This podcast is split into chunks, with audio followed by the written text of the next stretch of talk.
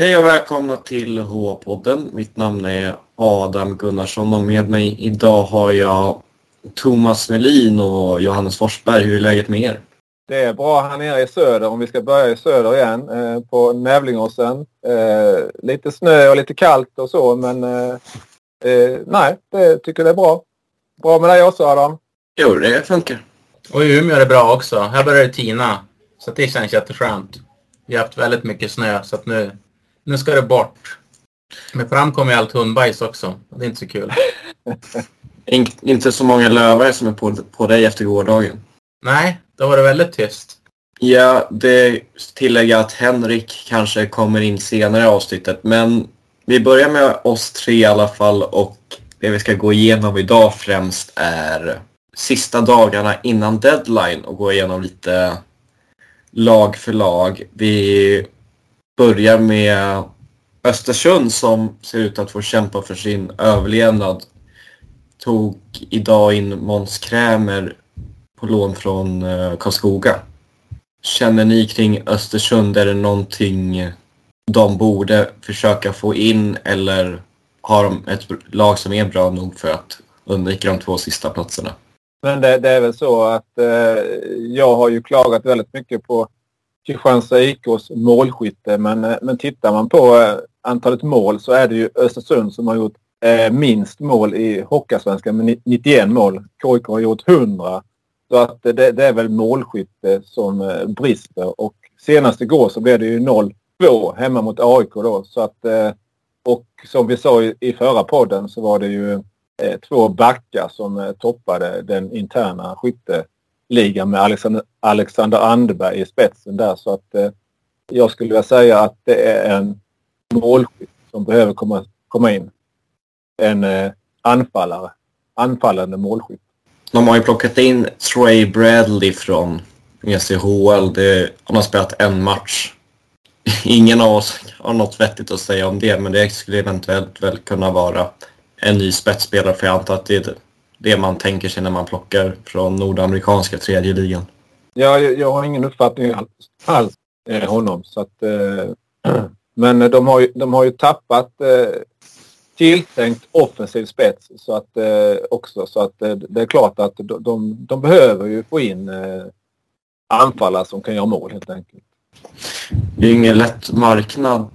Det är, liksom, det är, det är svårt för de rikare lagen att hitta bra spets. Det är, de här mindre klubbarna måste verkligen leta efter nål i, en nål i en höstack. Marknaden är ju som alla vet jättesvår också det här året. Det blir nog en del chansningar på de lagen som vill värva. Försöka hitta spets. Namn som är helt oprövade och eh, som kanske blir rena chansningar ibland. Jag tänker på de här mindre lagen. För jag funderar lite grann med, visst är det Henrik Marklund han heter va? Deras, han som började säsongen så bra, deras forward. Ja, det, yeah. var, det, var han som du ville ha in en, i en HA-podden line-up, eh, Johannes. Det har vi inte glömt. Han, han har ju som helt försvunnit, men det är inte så konstigt. Kanske hela Östersund har ju som fallit. Men de är verkligen beroende av att deras ledande spelare fortsätter producera. För annars, annars spelar det nog inte så jättestor roll heller. Då, kanske om, om de kommer in en spelare.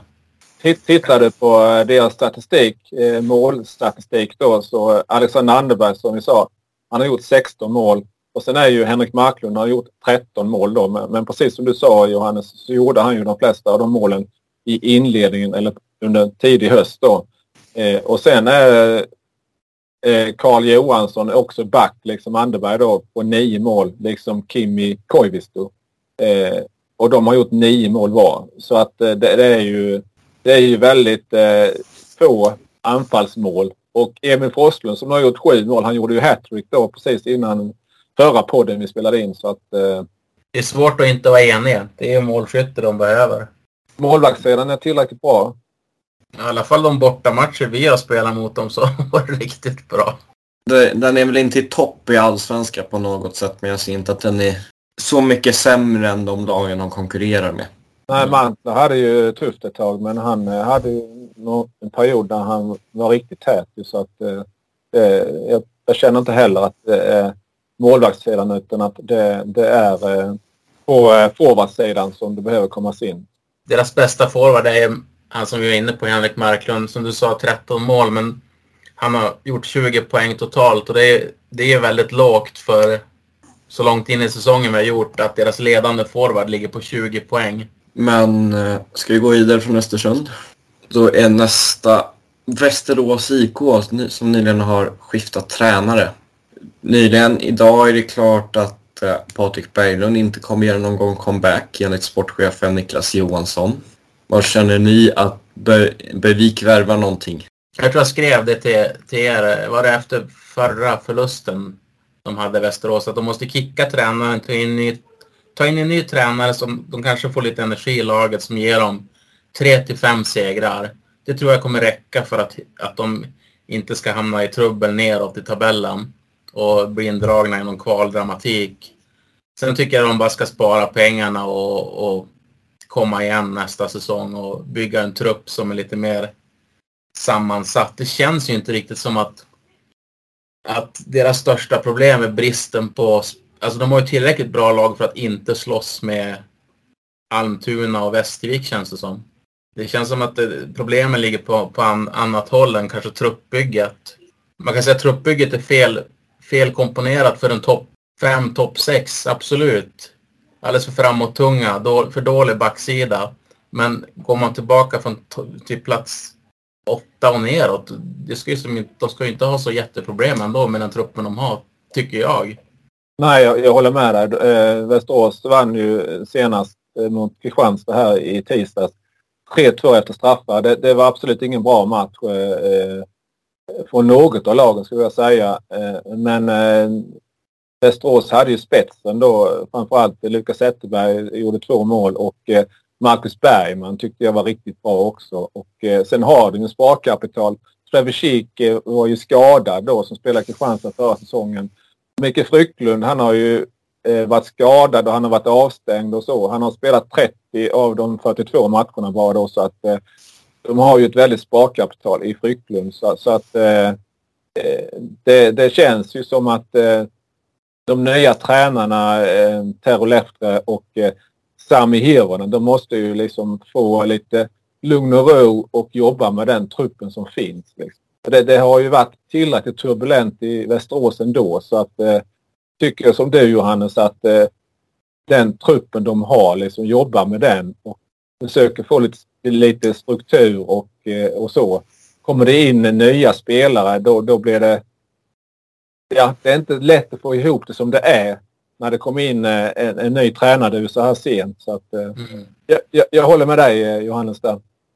Jag är väl lite inne på kanske att eh, alltså de är i ett väldigt prekärt läge. De är bara tre poäng från en playoutplats. Och jag tycker eftersom det har varit så mycket ruljans om det, de är inte i ett läge där de börjar chansa på, in på marknaden men jag tycker ändå att ifall det kommer något riktigt bra namn som verkligen kan bidra så tycker jag att det hade nog varit värt att göra det. Att försöka säkra ett kontrakt så, länge, eller så tidigt som möjligt. Frågan är hur lätt det är att hitta för även om de har lite mer pengar kanske än de här mindre klubbarna, de är inte i en jätteattraktiv position.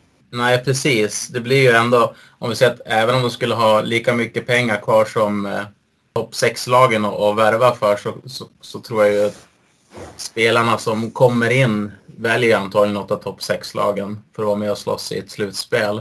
Men vad tycker du Adam då att det, de skulle behöva? Är det forward eller är det center eller är det back som, som du helst skulle vilja säga? Hade jag varit Niklas Johansson hade jag skannat allt möjligt egentligen. För det går inte att säga att varken back, forward eller centersidan håller någon vidare hög allsvensk klass. Men det är mer att, att om, om det kommer någon form av möjlighet att ta in något som verkligen kan bidra, rädda kvar dem, till exempel, som exempelvis Södertälje köpte Golovkovs nyligen, det är ett ganska säkert allsvenskt kort. Finns det, kommer det någon sån möjlighet så tycker jag att de ska ta den. Intressanta det är ju att vi, vi pratar om eh, eh, anfallssidan och backsidan men, men tittar man på, på eh, målskillnaden så har Västerås gjort 113 mål och, och släppt in 140 mål. Och 140 mål det är alltså riktigt mycket. Eh, nu har jag inte full koll på det men jag tror det är bland de sämsta lagen då i... Och eh, det är lite intressant när man då har Johan Gustafsson, eh, veteranen och Ian Blomqvist, talangen i, i laget. Och Johan Gustafsson vann ju i tisdags målvaktsmatchen mot Filip Larsson får man säga. Johan Gustafsson har ju inte varit bra under säsongen. Men samtidigt så är det klart att eh, jag har ju svårt att se att de tar in en tredje målvakt nu. Men jag bara poängterar det att det har inte sett så bra ut på målvaktssidan heller så, som eh, vikledningen säkert hade räknat. Det är klart hade Johan Gustafsson hållit sån pass hög nivå han höll stundtals i fjol så hade ju Västerås nog kunnat andas relativt lugnt just nu. Samtidigt så speglar det lite grann hela insatsen för hela laget. Jag tänker de matcherna jag har sett som vi har mött Västerås, alltså Modo, de har ju tyckt synd om målvakten. Det har ju varit extremt ihåligt försvarsspel. Man har ju kunnat försvara på ett bra sätt. Det har ju sett ut som att det har varit juniorer mot vuxna män i princip. Och inte speciellt talangfulla juniorer, ska jag tillägga. Det är klart att det är inte så lätt att komma en två mot en, ett eh, vart, var femte byte mot Josh Dickinson och Riley Woods. Det, det är klart att det kommer smälla och bli mål. Sen har inte jag sett han i de här täta matcherna. Utan jag, jag bara tar, drar utifrån det jag sett i Modo-matcherna. Det har verkligen inte varit imponerande spel från Västerås i försvaret. Det är ju så eh, Johannes att vi har ju fått en fråga, en lyssnarfråga här sen om Boogie Team och eh, det verkar ju nästan som eh, Modo är Västerås Boogie Team. Så att, eh, ni, ni, har ju verkligen gjort mycket mål just mot Västerås. Jag, jag gick tillbaka ganska många säsonger för att se när vi hade minusstatistik emot dem sist och jag vet inte riktigt i Hockeyallsvenskan. Jag kommer inte riktigt ihåg men jag tror att jag var tillbaka i säsong, alltså flera, flera, flera år tillbaka för att hitta in, när, när de hade tagit en, en vinst mot oss eller mer än en vinst mot oss på en säsong. Så det, det är ju verkligen lite bogey-team för dem, Modo. Ni får ha det bra. Jag går till tvättstugan. Vi, vi kör vidare då. Ska vi gå in på Västervik då eller? Nämna tränarbytet till Västerås också. Ja, det, det får, och så får vi förhoppningsvis så kommer ju Henrik eh, Olsson här sen då, eh, eh VIK-experten i eh, HR-podden och eh, kan eh, ge oss lite mer information där. Men eh, vi kan väl prata lite om absolut den finska tränarduon, Adam.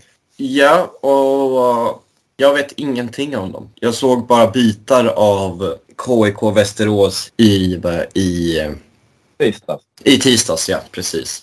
Uh, och jag kan väl, jag kan tycka att Västerås har under Pananen kanske haft ett lite naivt spelsätt och kanske försökt ha någon form av ambition av att vara ett spelförande lag fast man inte har materialet för det. Eh, vilket bland annat har straffat sig ganska hårt mot bland annat ja, SSK då med 5-0 och 6-1 i Scania-rinken. Tycker du att eh, det var, att, det var att Västerås såg ut som eh, det brukar göra i tisdags eller var det mer kompakt och Västerås som försökte stänga ner från rödlinjerna hemåt? Ja, det, eh, det, var till att börja med så var det en eh, inte någon bra hockeyallsvensk match. Eh, det, det, det, var mycket slarv eh, åt båda hållen och eh, eh, så att eh, absolut att eh, båda tränarna skulle kunna fått ut mer av eh, både Mikael Gat i Kristianstad och eh, då eh, Lehtere och Hirvonen då i eh, Västerås skulle kunna fått ut mer av, av eh, sina respektive lag Eh, men eh, jag tror att det, det, var, det var lite nervöst. Matchen betydde väldigt mycket för båda lagen. Båda lagen är indragna i bottenstriden då så att eh, det är lite svårt också att säga någonting om eh, när det är så mycket som står på spel. Jag tycker att Västerås bjöd på en del eh, så att eh, det, det böljade rätt så mycket fram och tillbaka. Så att jag kan inte, jag är ingen bra analytiker så heller men jag blir inte imponerad av Västerås och jag blir inte imponerad av Kristianstad. Så mycket kan jag säga.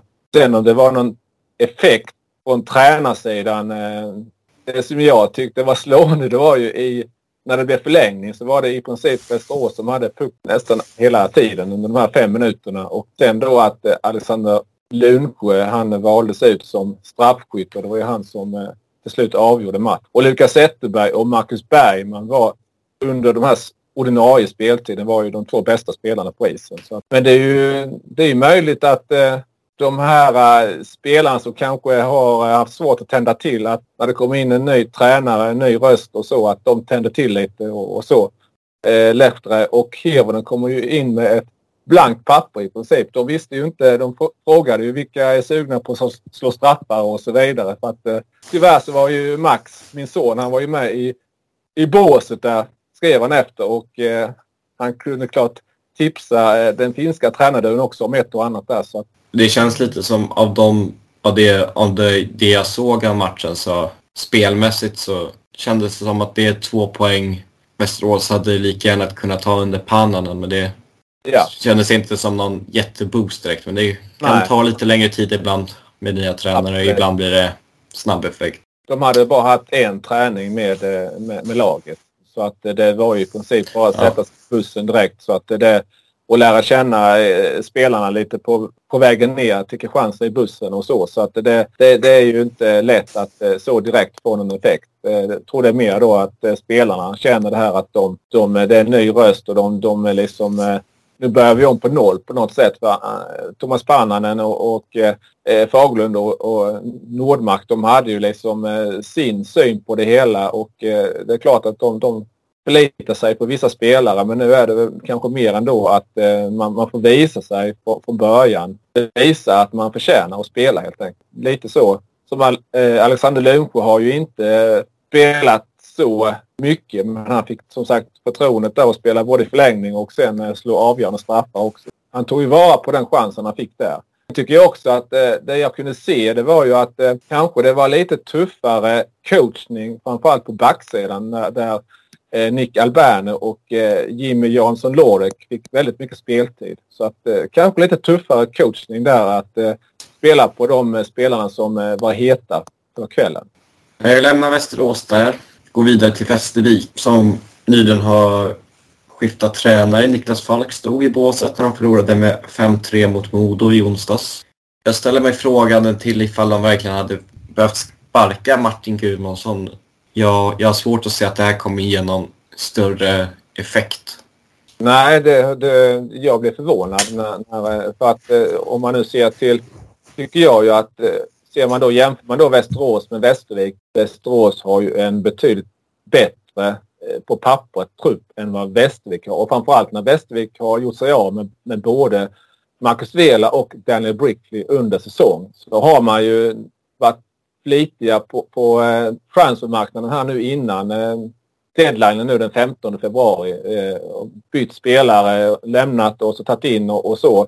Men eh, tycker alltjämt att eh, Västervik, jag tycker inte att det är något lag som eh, egentligen är eh, ett hockeyallsvenskt lag just nu på, på pappret och de ligger ju också sist. Så att det, och frågan är om man kan få en effekt av Niklas Falk där då som men jag tycker ändå att matcher jag sett Västervik att Martin Gudmundsson har fått ihop ett relativt hyfsat grundspel i alla fall och att ja, matcher jag har sett att de kan vara med långa stunder.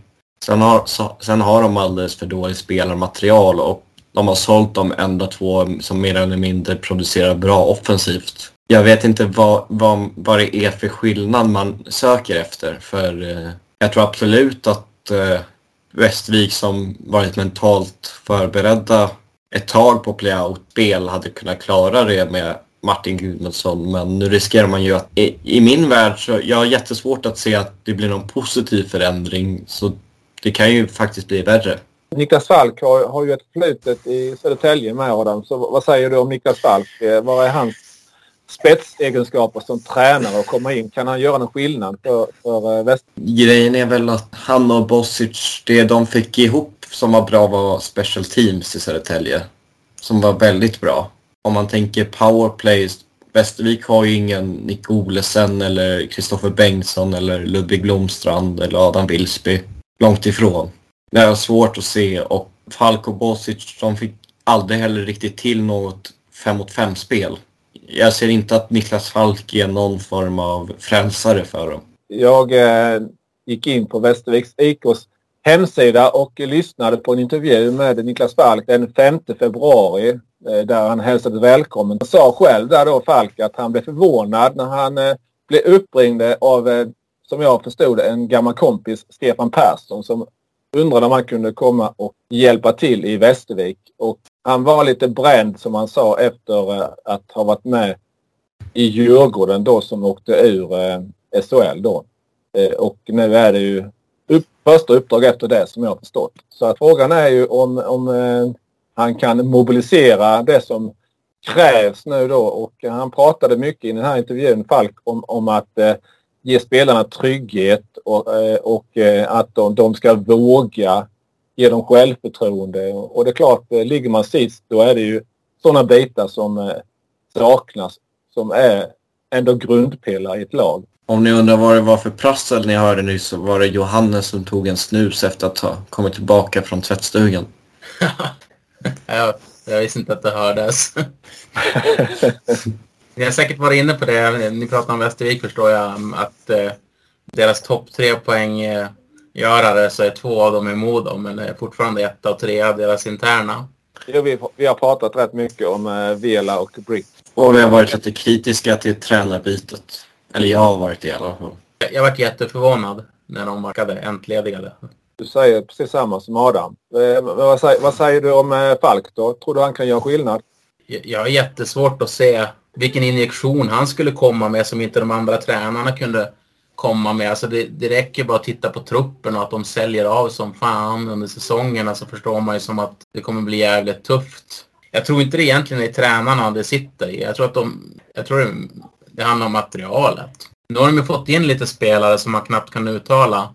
Så att de är ju smart på det sättet att de har hittat billigare spelare än Vela och Brickley och fått en rejäl slant för dem från Modo också. Men det gäller att de här killarna producerar. Oh. Annars kan det bli Hockeyettan. Och det tror jag är oberoende av vilken tränare de skulle ha. Och som jag sa till Thomas, jag tycker att under Gudmundsson så det var ändå, de kunde vara med i flera matcher och hade ett hyfsat grundspel men hade alldeles för, ja, haft alldeles för dålig spets och spelmaterial överlag. Men om man byter tränare riskerar man att tappa även det där. Nej men jag håller med dig. Jag, jag, jag är helt enig med din analys. Vad, vad tror vi? Alltså att de får spela kval, det är ganska...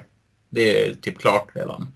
De har ganska mycket poäng att hämta in. Men det måste vara lite skakigt läge oavsett nästan vilka de får möta.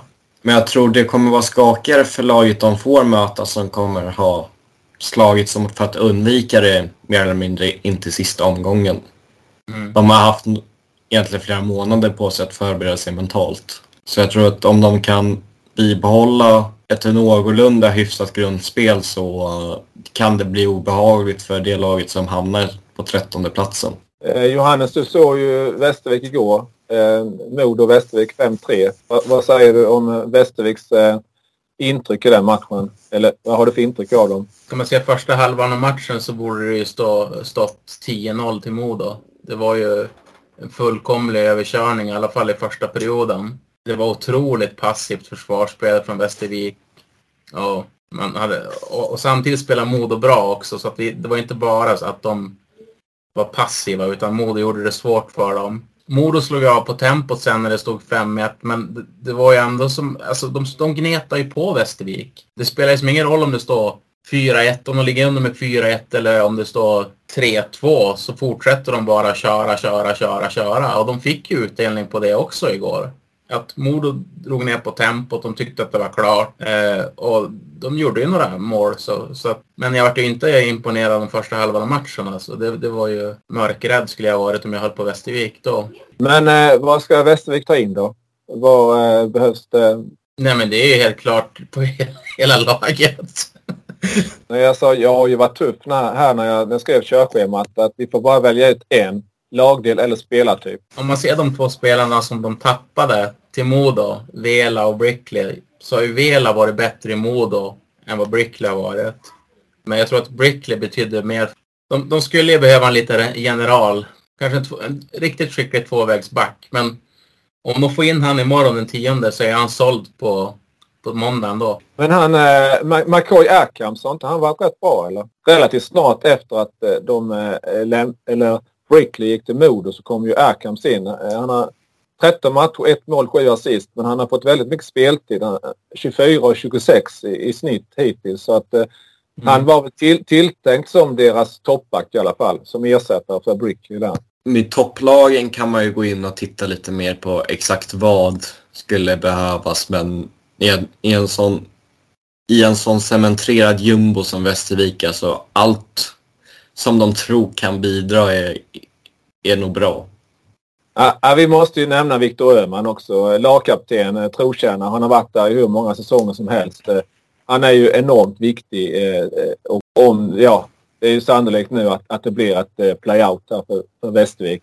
Så kommer han ju att vara ännu viktigare. Alltså, och, eh, sen antar jag att eh, Hampus Plato, han eh, är ju inlånad från Oskarshamn. Det kanske ni har koll på där. Är han tillbaka i Oskarshamn eller är han kvar i Västervik? Men eh, det brukar ju vara så att SHL-lagen eh, vill komplettera och bredda sina trupper så mycket som möjligt. Så det är väl, det är väl rätt så stor risk för Västerviks del att eh, Oskarshamn eh, kallar hem eh, Sen har de ju SSKs Sernik eh, på lån där som producerat en hel del poäng, främst i powerplay. Eh, men som i alla fall har kommit in med en positiv injektion så de har ju lite inför stundande kval. Nej, jag tror inte bara det blir Stella och Västerås, eller Västerås, fan säger det hela tiden för? Västervik i, en kvalserie. Det kommer nog bli en riktig fight det där, vilket lag än som faller ner och ska möta dem. Plato spelade inte igår så jag gissar att han är tillbaka i Oskarshamn. Ja, jag var på väg att kolla det men det, du är snabbare än mig Adam. Det är bra. Tack. Du har redan ställt in dig på att det är dubbelvik i playout eller Johannes? Det verkar ju som det. Oraklet har talat. Jag tror egentligen inte så. Vita hästen. Börjat gå lite bättre nu. På slutet slog bland annat succélaget Mora med 6-1. Mora som saknade halva laget i och för sig. Men... Du ska nog inte dra allt för stora växlar av den segern. För att eh, det var ju magsjuka som härjade i Mora där. Så. Men det är ändå noterbara siffror även om Mora hade stort eh, manfall. Ja. Så, men i alla fall känns som ett lag som ganska tryggt även om det bara, bara är fem poäng ner till playout. De har ju haft ansträngd ekonomi så frågan är om det bör värva någonting egentligen. De ska inte sälja Marcus Eriksson då. De, de är i stort behov av... Eh, skulle få in 4 miljoner läste jag då någonstans. Så att det, det, den största inkomstkällan är väl eh, snart 38-årig Marcus Eriksson. Fast utan Eriksson så är det nog de där fem poängen inget större försprång. Nej, de behöver nog honom som sagt för att eh, eh, ligga så pass bra till som de gör. Så att, eh, absolut. Han, eh, han är helt otrolig alltså. Han har gjort sex mål och hela 37 assist alltså på, på fyra matcher så har han gjort åtta mål och 25 assist. Så, alltså han snittar alltså en poäng per match eh, och eh, är ju den klart poängbäste poängbästa spelaren i Vita Hästen. Så han, det, är, det är ju han som så att säga ska se till att Vita Hästen spelar kvar i Hockeyallsvenskan även nästa säsong. Och vad jag förstod så ville väl Vita Hästen redan nu förlänga med Eriksson. Borde vara en av kandidaterna till årets MVP. Absolut. Men visst hade de även försökt få Marenis tillbaka till... Fick väl ett nej av Örebro? Enligt Norrköpings tidningar så. Ni, ni har ju, det är ni som äger Marenis, eller hur? Nej. Eh, de har frågat Hinken kring det där för att reda, behövde reda ut det där. Modosupportrarna har börjat fundera så mycket så. Hinken svarade i den intervjun att det är Örebro som äger honom. Ja, eller kommunicerades väl som ett lån? Ja, det är möjligt att det gjorde det, men Hinken var ganska tydlig att det var... Eh, Modo fick väl eh, ett antal hundratusen för eh, Marinus också. Ja, 800 000. Då kunde Modo köpa in eh, plundra Västervik. Men det är som sagt Vita Hästen, det är det är svårt att argumentera för att de borde värva på något sätt. Utan jag tror att de kommer att undvika den där sista kvalplatsen. Och det som är bra med play-in för dem är väl att få en extra hemmamatch och lite mer pengar. Eh, de borde inte värva någonting eh, med tanke på hur mycket pengar de behöver få in. Klokt sagt eh, Adam. Och, och som sagt risken är ju då även om då Vita Hästen, ja om man nu klarar sig kvar eller ja, vi tror ju att de ska göra det utan att kvala finns ju risken att i efterhand då eh, degraderas på grund av eh, att man inte klarar de ekonomiska kraven. Så det kanske är det största hotet för dem. Ja, det känns nästan så. Tingsryd. Ja, det har varit mycket rörelse där.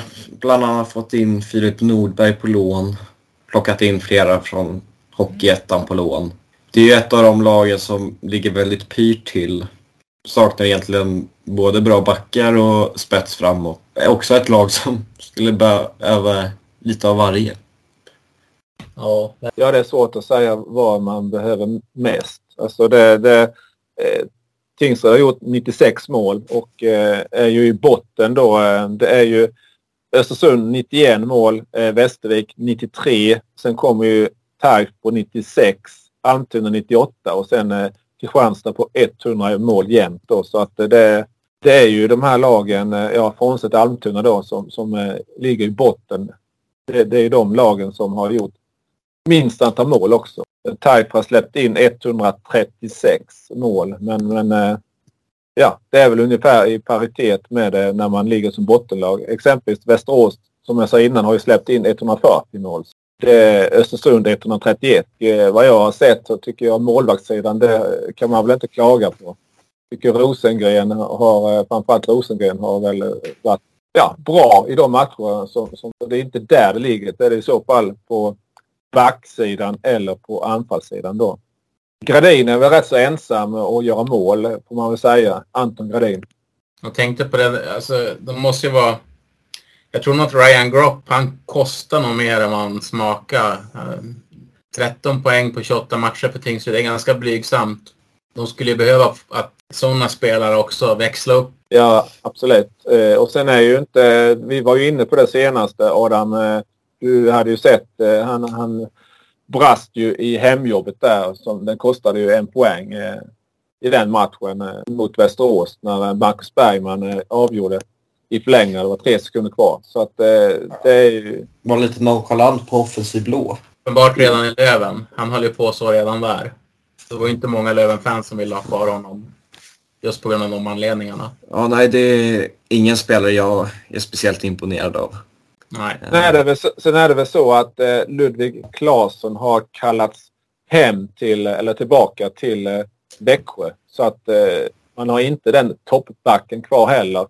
Däremot så har väl Simon Åkerström tycker jag han har väl eh, steppat upp det på slutet. Står här på åtta mål, eh, elva sist. Eh, han har bara spelat 34 matcher. Han har väl varit lite skadad väl så att eh, det, det kan ju... Han har säkert fått lite mer förtroende nu när som sagt Claesson hämtades hem. Det ska också bli spännande att se vad Filip Nordberg kan göra där. Han har väl varit lite för valpig i sitt spel i Södertälje men kommer säkert vara en nyttig injektion. Men vi går vidare. Vi släpper Tingsryd och Södertälje SK är nästa lag. Det var ju en helt klockren värvning. Det var ju precis det ni behövde, tycker jag är ju väldigt stabila och har ett väldigt bra grundspel och försvarsspel. Men det, det, det bygger ju väldigt mycket på, på Linus Widell som motorn också i offensiven. Det är bra att kunna ha lite mer hot än den formationen han spelar i framåt och det kan ju bli skador också på honom. Eller andra i hans formation. Så att ni, ni har ju ett bra lag men det, det, man har, det man har tänkt att för att det ska räcka långt det är ju mer spets framåt. Vi hade ju i förra podden, då ställde vi frågan eh, om eh, Almtuna kommer att ha kvar sina tre bästa spelare då. Eh, eh Asplund, Halestam och Golovkovs. Och nu fick vi svaret att eh, Golovkovs är, är inte kvar i alla fall. Almtuna precis som eh, Västervik eh, och eh, eh, Vita Hästen har ju problem med ekonomin och det, det kanske är fler klubbar utöver det som har det. Men det som har framkommit är ju att eh, de tre klubbarna har lite risigt ställt eh, ekonomiskt. Vi har behövt mer offensiv spets. Jag skulle gärna se... Jag tror att Golovkos blir det sista som kommer in till SSK. Men jag hade... Jag, jag tycker att om SSK...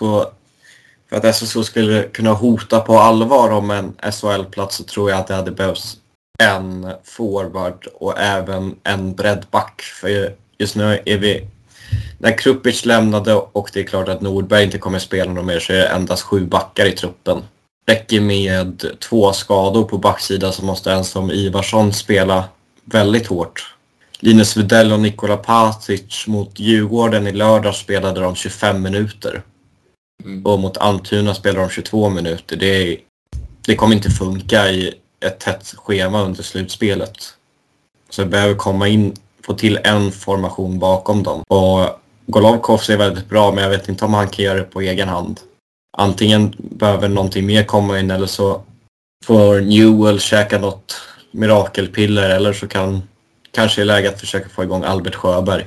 Alltså när jag har sett Almtuna så varje, varje match, eh, alltså de två spelarna som jag framförallt har lagt märke till så, eh, ja, anpassmässigt då så är det ju Hampus Halestam och eh, Georg Golovkos och eh, Halestam inte minst för eh, han, han är ju vass i powerplay med sitt skott där. Men Golovkos alltså så rörlig, så, så kreativ, så irrationell. Alltså han kan ju verkligen lite, jag skulle vilja säga lite passivt typ där liksom. Han kan röra runt och, och liksom eh, eh blotta ytor i motståndarförsvaret. Så att eh, jag tror att eh, SSK kommer ha väldigt mycket nytta av eh, Golovkos. Mm. Det är alldeles säkert och det är en väldigt duktig spelare men samtidigt är det ingen som öst in poäng på något sätt i Hockeyallsvenskan så jag, jag är lite osäker om ifall det finns någon lekkamrat till honom bara för att få till en till kedja som kan trycka på och ha långa anfall. Mm. Ni, skulle kanske, ni skulle kanske tagit Halestam också där, den dugen där. Olofsgård som spelar fram till Halestam. Det kanske inte är för sent ja. än Adam. Nej, alltså Georgsson har ju har lagt bud på Halestam tidigare, tidigare under säsongen. Så. Vi får väl se lite eh, ditt lag eh, Johannes, hur det ser ut ekonomiskt där. Ja men precis. precis. vi kommer ju till Almtuna längre fram. ja. ja, vi får, jag tycker absolut att SSK kan värva både på back och forwardsida. Det finns även pengar för de, de pengarna som eh, gick på Golovkovs in, tar inte ens hälften av det så mycket vi fick för Nordberg som skrivit på för Växjö. Men... Nej, det, det, är en generell diskussion det här eh, hur pass mycket nytt man ska ta in i en... Man får ju ändå säga att SSK är en eh, rätt så väl fungerande lagmaskin. Så att, eh, och varje spelare som kommer in, eh, alltså harmonin kan rubbas, hierarkier kan rubbas. Det är mycket liksom. Så att det, det, i SSKs fall eh, så, så gäller det verkligen att det är rätt spelare som kommer in.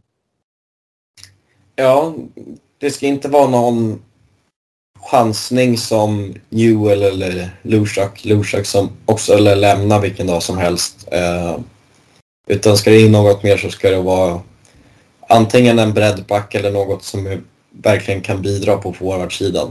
Och som har en bra karaktär också.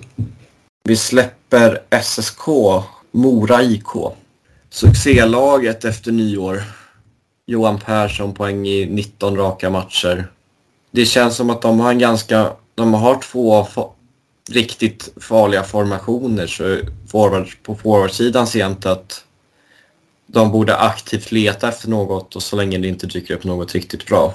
Eh, Oskar Biaselius har ju anlänt från Östersund. Ja, det är ju en riktig breddvärvning i så fall. Det, det, det, precis och eh, det, det, det är klart Mora de stärker upp. De behöver känna att de behöver få in någon mer spelare.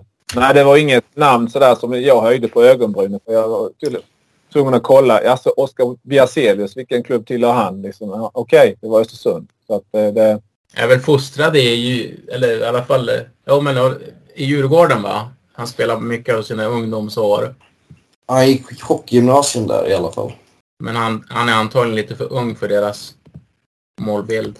Det är väl backsidan jag kan tycka att Mora ligger lite efter toppkonkurrenterna på. Den är inte dålig på något sätt men om jämförelsevis med SSK och Modo så är det inte riktigt samma klass. Kanske ett väldigt hopp mellan deras två bästa offensiva backar, Strandell och Johannesson, ner, ner till eh, Myrenberg. 24 poäng står ju Strandell för och Johannesson 19 och sen dimper ner till 8 poäng. Så att blir det skada på någon av, av de två första backarna där så, så då försvinner ju eh, väldigt snabbt offensiva hot från, från blå linjen. Duktiga spelare där. Så att jag håller med. De skulle behöva någonting mer där, men det är som... Då äh, hakar jag på det du, det du pratar om där. Ja. Eh, Alexander Moldén, alltså detta mysterium till, till hockeyspelare. Jag måste säga det. Kom ju då till Mora inför den här säsongen. Han har spelat 25 matcher, ett mål, fem assist. han skulle ju kunna vara den här, alltså framförallt du nämnde powerplayback. Han, han gjorde ju många mål, eh, om jag minns rätt var det väl sju, åtta stycken i Kristianstad då. Säsongen och sen så lämnade han ju då och gick till Västerås och sen han, han satte ner foten där och sen gick han vidare till Malmö och eh Eh, ja, och nu är han uppe i Mora. Så att, eh, men eh, det, det känns som att han, han får aldrig fäste någonstans och eh, det verkar ju inte som det. Jag vet att han har varit rätt mycket skadad också nu. Jag vet inte om han för närvarande är skadad eller om han är petad men, men han har ju inte gjort några avtryck i, i, uppe i Dalarna heller. Så att eh, uppriktigt sagt så tror jag att han skulle behöva vara hemma i Kristianstad och, och liksom få lite fast eh, tillvaro och lugn och ro och, och så vidare och eh, utifrån det prestera. Jag vet inte om Gat var intresserad av honom inför den här säsongen heller men, eh, det är ett mysterium för mig. Eh, han, det känns som att han har kastat bort sin karriär. Alltså det, det, han, han skulle kunna vara en, den här backen, Johannes, som du, du pratade om helt enkelt. Jag vet som sagt att han har varit skadedrabbad. Så att, och det, det är mm. klart att det är inte lätt heller då att... Och då är det inte lätt heller att, slå sig in i ett fungerande lag eh, där du har toppbackar som du sa som eh, Strandell då och Johannesen. Så, men eh, i powerplay, han skulle kunna spela i ett powerplay 2 i alla fall och eh, från eh, den eh, vänstra teckningscirkeln då eh, där han gjorde ett antal mål i Kristianstad då eh, kunna bidra offensivt i alla fall. Så att eh, han har den potentialen. Alltså det är en riktigt bra hockeyspelare men eh, han har inte fått ut sin potential. Nej, och det är klart att en skadedrabbad är svårt också. Man, ja, ja. Mycket skador så det är svårt att vara i form och visa upp sig på sin bästa sida. Men det är väl som Adam säger, det är väl den positionen de skulle behöva förstärka. För att han, han, är ju inte den back som de, de hade hoppats på. Skadekänslighet och det blir ett slutspel med många tuffa matcher och det kommer bli skador på spelare. Det kommer bli skador på nyckelspelare för, för, för många lag. Och då är det ju bredden och djupet och allt det där man pratar om som blir viktigt. Jag tror de har matchat Strandell och Johannesen väldigt hårt. Jag tror en som Myrenberg skulle säkert kunna producera lite med förtroende men eh, väldigt bra hockeyallsvensk back på marknaden så borde de absolut hugga där. Men... Ja, de behöver ju knappt ha någon eh, offensiv spets alltså, som det känns. Eh, fast det är klart, eh, kommer det någon skada eh, så men eh, som det är nu så har ju Mora två riktigt bra eh, offensivt ledande kedjor. Eh, sen vet jag inte, Kalle Mikitinac han var ju utlånad till Färjestad här men det, det, är väl inte någon risk att eh, Färjestad hugger Mikitinac nu eller? Om man frågar Hedberg så är han väl på ett landslagsuppdrag bara. Mikitinac kom in i Färjestad när de saknade spelare i Färjestad. Ja, Ja, ja. men det, det jag syftade på var när Ljunggren lånades ut till Leksand sa Hedberg att det är bara som att bli uttagen i ja, landslag. ja. ja. Det har varit en lång dag för mig Adam. Jag hänger inte med i dina, dina skämt här hela tiden. det är bra. Ja, eh, Modo går vi vidare till. Uh, vad, hette, vad hette laget sa du? Modo. Jaha, ja okej. Okay. Vad, vad kallar du då? jag skojar med Johannes bara, Peter. Johannes, vad behöver vi? Vad ska, behöver ni ta in någonting? Köpa in fler och sen sätta dem på läktaren som vi sa förra podden. Eh, så att inte konkurrenterna kan köpa dem. Nej, men alltså egentligen det vi behöver mest är att få tillbaka våra nyckelspelare som är skadade. Alltså Josh Dickinson betyder jättemycket för Modo. Eh, man ser vårt powerplay har ju havererat sen, sen han är, har varit skadad. Målvaktssidan har ju varit väldigt tunn också med Nygren bakom Gudlevskis. Så att nu får vi börja Tex Williams som ska matchas tillbaka där. Så att egentligen det viktigaste är att få tillbaka de spelarna så att de kan vara i hyfsad form eh, i, i slutspelet. Men sen vet jag ju också att Gradin har sagt att han vill gå in i slutspelet med tre bra målvakter. Och vad man hör på Johan Svensson eller hör vad man ser på Twitter och liknande så, så tror jag han att eh, Wernbloom kommer vara i, i Modo innan den 15. Men egentligen ska vi ju inte som behöva så mycket. Jag tycker att vi har ju värvat under säsongen. Det är att få ihop det på något vis nu. Ja, alltså nu, nu tog ni in Halloran också. Eh, någonstans får ni ju bärga kan jag tycka. Nej, men alltså lite så. Eh, som, du säger att eh, det, och det är bara du, du nämner Dickinsons betydelse här. Alltså Modo, de var, ni var väl uppe på närmare 40 procent ett tag i powerplay effektivitet.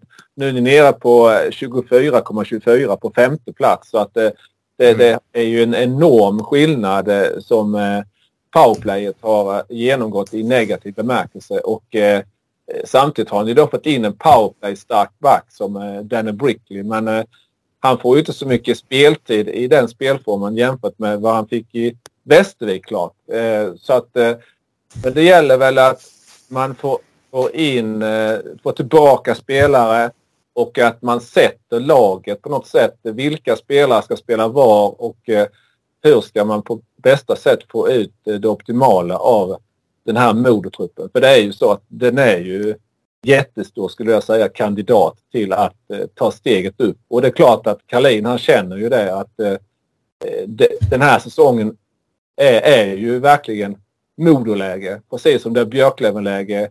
Och eh, ja, Djurgården känns ju lite kanske avslaget just nu. Men alltså det känns ju som att det är läge verkligen att ta det här steget. Förra säsongen kändes det som att det var kanske HV71 som, som eh, var i så att säga pole position hela säsongen nästan. Men nu är det verkligen eh, och det är klart att eh, Karlin och Gradin ser möjligheten här att eh, ta steget upp helt enkelt. Och då vill man, som du säger Johannes, kanske då stärka upp målvaktssidan och ta in en tredje målvakt där. Så att eh, det, men det finns så mycket spelare, bra spelare, toppspelare så att det, jag ser inte någon anledning att ta in någonting mer än Magnus Wernbloom som du säger. Han, han kommer ju med all säkerhet att ansluta. Han har varit inlånad två matcher, Wernbloom, och gjorde mål i båda. Och den ena avgjorde han ju då mot eh, Tingsryd hemma. Så att eh, Wernbloom kommer ju absolut att tillföra. Och det är inte om utan när han kommer då. Ja, jag gillar att du sa Magnus Wernbloom istället för Lukas. Ja, förlåt, ja, förlåt Lukas. Tack. Det är bra att du är med Adam. Jättebra. Jag, som sagt, det har varit en lång arbetsdag idag. Börjat tidigt men eh, det, det, jag, skulle, jag kollar er så att ni är med här. ja. ja, men jag tycker egentligen power, dippen i powerplay den kanske var lite väntad också. Som du sa 40 procent. Det är orealistiskt att det är en siffra som håller sig över tid. Det brukar dip, komma en rejäl dipp efter ett tag om man är så pass effektiv. Men... Uh... Men jag tror vi var nere på 8 procent över typ 10 matcher eller något sånt. Det, ja. det är orealistiskt dåligt på något vis också med truppen vi har. Men jag tycker, jag tycker inte Modo ska värva, värva någonting egentligen utan också ja, ha åtanke att eh, egentligen de flesta värvningarna som görs här sent brukar misslyckas. Eh, så Eh, Modo har visat att det finns kapacitet i deras trupp att spela riktigt bra hockey. Den har de inte kommit upp i riktigt på ett tag nu och det de borde sträva efter är att nå den nivån igen. Och det, den högsta nivån som redan finns, det är svårt att komma så mycket högre än så just nu i alla fall. Eh, det ska vara någonting riktigt bra man plockar in då. Så, så det kanske kan göra mer skada än nytta att värva för mycket. Nej, jag, jag tycker Lukas Wernbloom ja, det är bra vet, du sa rätt. vet vad det är. Det är bra du säger rätt Adam. Ja, Tack. vet, vet, vet vad det kan Modo ut och in och skulle säkert bidra men Intressant det är ju ändå just det här att, att få ihop laget. Eh, tänker ju då på eh, Kristianstad. Ja, jag återkommer till Kristianstad igen var ju uppe då och, och spelade eh, mot Modo här eh, 1 februari. Vann med 4-3 eh, efter straffar och eh, Nicholas, Nick eh, Halloran, eh, han, han, jag tycker han, han hade en mängd chanser i ordinarie speltid och även förlängning på den delen. Men, men eh, där kom han inte till, till ja, han kom, han kom fel eller, och han missade, alltså han hade ju säkert fem öppna lägen bara han och eh, antingen stod Hannebo i vägen eller så sköt Halloran utanför. Men sen mm. då när det kom till straffar, där visade ju Halloran, alltså där är det ju det är bara Nick Halloran mot en målvakt. Det kunde varit när han var i Timrå med då. Där visade han ju hur bra han var. Men i spelet, där kom han inte rätt på något sätt. Vad säger du om det Johannes? Han är ju en väldigt rivig spelare men precis som du säger så, så har ju, Eh, alltså han har ju bommat väldigt mycket bra lägen. Och inte bara mot Kristianstad utan i matchen innan dess också. Men jag, jag väntar lite grann på en propp, proppen ur-effekt på honom. När, när han väl börjar må, göra mål då tror jag att det kommer att eh, fortsätta och göra mål från honom. Sen är jag lite osäker på att Vela är rätt center för Halloran. Jag tror inte att han, han är inte riktigt så pass spelintelligent själv att han eh, kanske kan, ja, ja, men kortfattat, jag tror att han behöver en playmaker bredvid sig. Jag tror att han kommer paras ihop med eh, Dickinson och Woods när, när Dickinson kommer tillbaka. Och då är det ju en kedja i, i paritet med, med eh, Björklövens eh, när Fitzgerald kommer tillbaka med, med eh, Kilki, eh, Pooley och Fitzgerald. Alltså det, det, det, är ju topp, topp eh, kedja då. Om, om det nu blir så som du säger att de tre kommer ihop. Jag ska bara säga det straffavgörandet där. Alltså, Niklas Halloran han satte två straffar i, i rad i, i straffavgörandet. Men sen eh, så missade han en tredje där då så att eh, eh Kristianstad vann ju den matchen. Men han hann ändå visa på de, de två straffarna hur kylig han var i när han kom i de en mot en situationerna där. När han hade tid på sig. Han kunde precis välja hur han skulle göra, hur han skulle eh, göra mål helt enkelt. Så att där visade han spetskvalitet som Modo absolut kommer att ha nytta av längre fram. Det kanske räcker med Modo. Ja, ja. Jag fick in lite KIK där så också. Så att, det kommer komma mer KIK strax Thomas, men först ska jag bara säga att Henrik kom in precis. Trevligt, trevligt. Vi har redan hunnit såga Västerås lite. Ni passar väl på va? Ja, precis. ja, tjena grabbar. Kul att, kul att titta in en stund här i alla fall. Och ni, Härligt. Välkommen. Ni får bara fortsätta så, så, så lyssnar jag och gör något inspel här och där. yes. Men vi går vidare till KIK. Det är inte lika ja. roligt att säga KIK längre när Max inte är här och stör sig på det. Men... Eh, Men det passar ju bra att Henrik kom nu. För du, du såg matchen väl i, i tisdags, Henrik? Ja, definitivt. Absolut. Ja, ja. Och jag sa, jag, jag pratade lite om den innan när vi gick igenom lite om Västerås. Vi sa att vi tar lite om Västerås och sen får du liksom ta det en vända till. Så att eh, så får vi ge våra intryck så får du komma med dina. Men jag sa att det var absolut ingen bra match. Eh, och eh, det var slarvigt, det var hafsigt och, och så. Så att det, det, Kristianstad visade sig inte på sin bästa sida och inte Västerås heller. Och eh, ja, den enda den tränareffekten jag såg då det var ju att eh, eh Nick Albano och eh, Jimmy Jansson Lorek matchades eh, väldigt eh, tufft av eh, finska tränare där. Eh, I övrigt kunde jag inte göra någon större analys av matchen så mer än som sagt att det var det var präglades av nervositet och så vidare och eh, också av det här som vi kom in på Kristianstad. Vad Kristianstad behöver. Alltså jag tänkte ju att nu fick, kunde tyvärr inte min eh, kamrat här i, på KIK enligt Andy och Melin, eh, Andreas Lennartsson, han är sjuk eller har varit sjuk så han orkar inte riktigt vara med ikväll. För jag tänkte vi kunde dela upp det så att Andreas kunde sagt eh, att Kristianstad behöver få in eh, en målskytt och då kunde jag säga att Kristianstad behöver få in en powerplayback. För det, det, känns som att det är de två spelarna som Kristianstad behöver få in.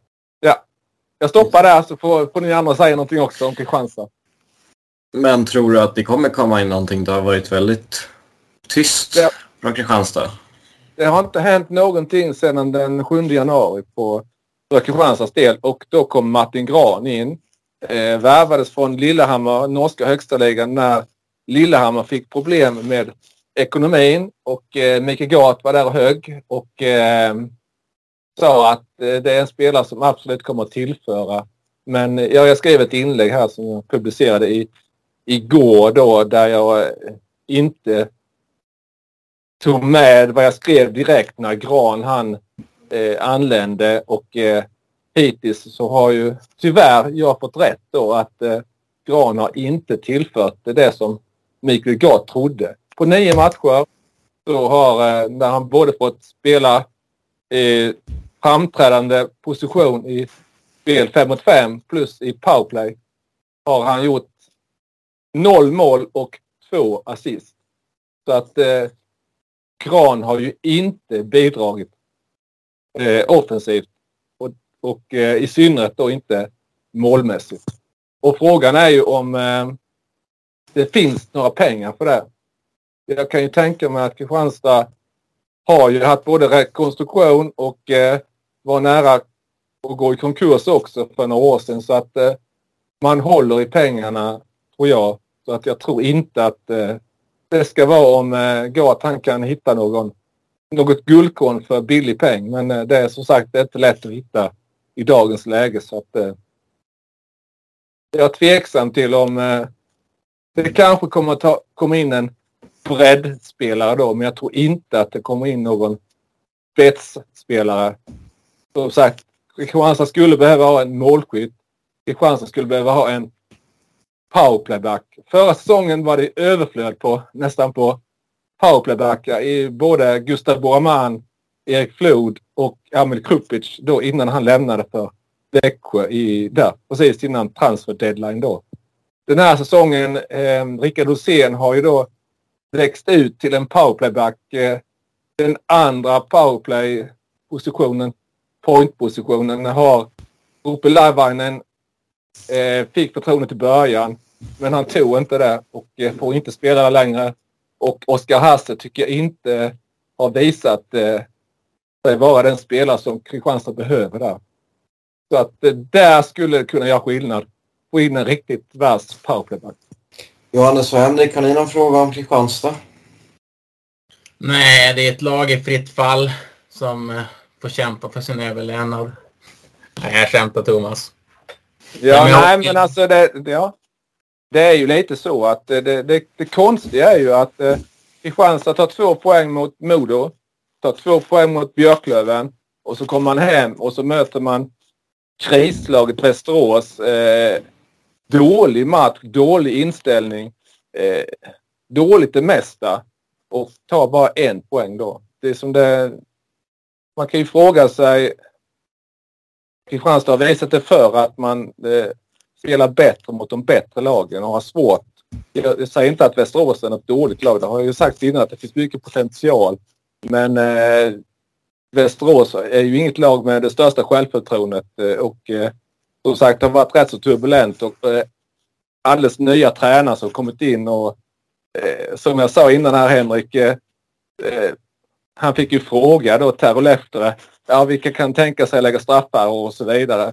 Sen var ju Max, vad jag förstod, med i båset och styrde upp det där lite. Men eh, det, det känns ju ändå som att eh, det var ett guldläge för, för Kristianstad att kunna ta tre poäng. Och eh, Gat var ju heller inte så glad efter matchen om man säger så. Nej, jag tänkte precis säga det. Gat var ju allt annat än glad var han ju. Han, han pratade väl om att det var någon form av eh, allmänhetens åkning eller All-star-match eller liknande. Ja, Sen, sen vet jag inte. Jag, det är klart att det blir ju så här någonstans att man får ju flytta sina förväntningar och, och så vidare. Beroende på hur, hur allting har sett ut eh, i, ja, när det gäller Västerås. Då. Men, men jag tycker att eh, det fanns ju någon form av tränareffekt där, definitivt. Kan jag jag tycka. tycker det. Ja, ja. Ja, jag Det- tycker det. Jag, jag tycker Det man är bra att du kan ana- analysera det bättre. Ja, nej men jag tycker det är klart att alltså inställningsmässigt sett så blir det väl oftast en tränareffekt när man gör en sån här stor rockad som man har gjort. Men jag tycker att i spelet utan puck, jag tycker Västerås forecheckar ju mycket hårdare egentligen över, över hela banan egentligen. Och försökte verkligen att jobba klart i situationerna på ett, på ett helt annat sätt kan jag tycka än, än det har sett ut på slutet. Sen behöver inte det betyda att matchen i sig, att jag håller med, men det var ingen, ingen jättefin höjdartillställning så sett. Men eh, eh, Jag har sett Västerås betydligt sämre än vad de var i Kristianstad i alla fall. Och, jag vet inte. Gat var nog lite, lite lätt besviken. Jag vet inte om... Kan det varit ett sånt bottennapp så att det var en av Kristianstads sämsta matcher för hela säsongen? Han var inne. Jag, jag, Jag tycker att det har funnits sämre matcher. Men jag kommer till det längre fram. Eh, eh, Ma, Vi får lite. säga, ja, Gat är väl en känslomänniska för att uttrycka det milt. Så, Men jag måste säga, jag- jag, funderade när ni sa att han var allt annat än glad. Då funderar jag, när jag har jag sett Gat glad? jag tror jag aldrig har sett han glad. Har han varit glad någon gång, Thomas? Ja, alltså det, det absolut. Men han, han, han eh, det är klart att han, han eh, visade kanske inte eh, utåt så, men absolut att han, han kan. Jag vet att när vi har spelat, spelat in då KIK enligt far och son, Max och jag satt öga mot öga med, med Micke Gart.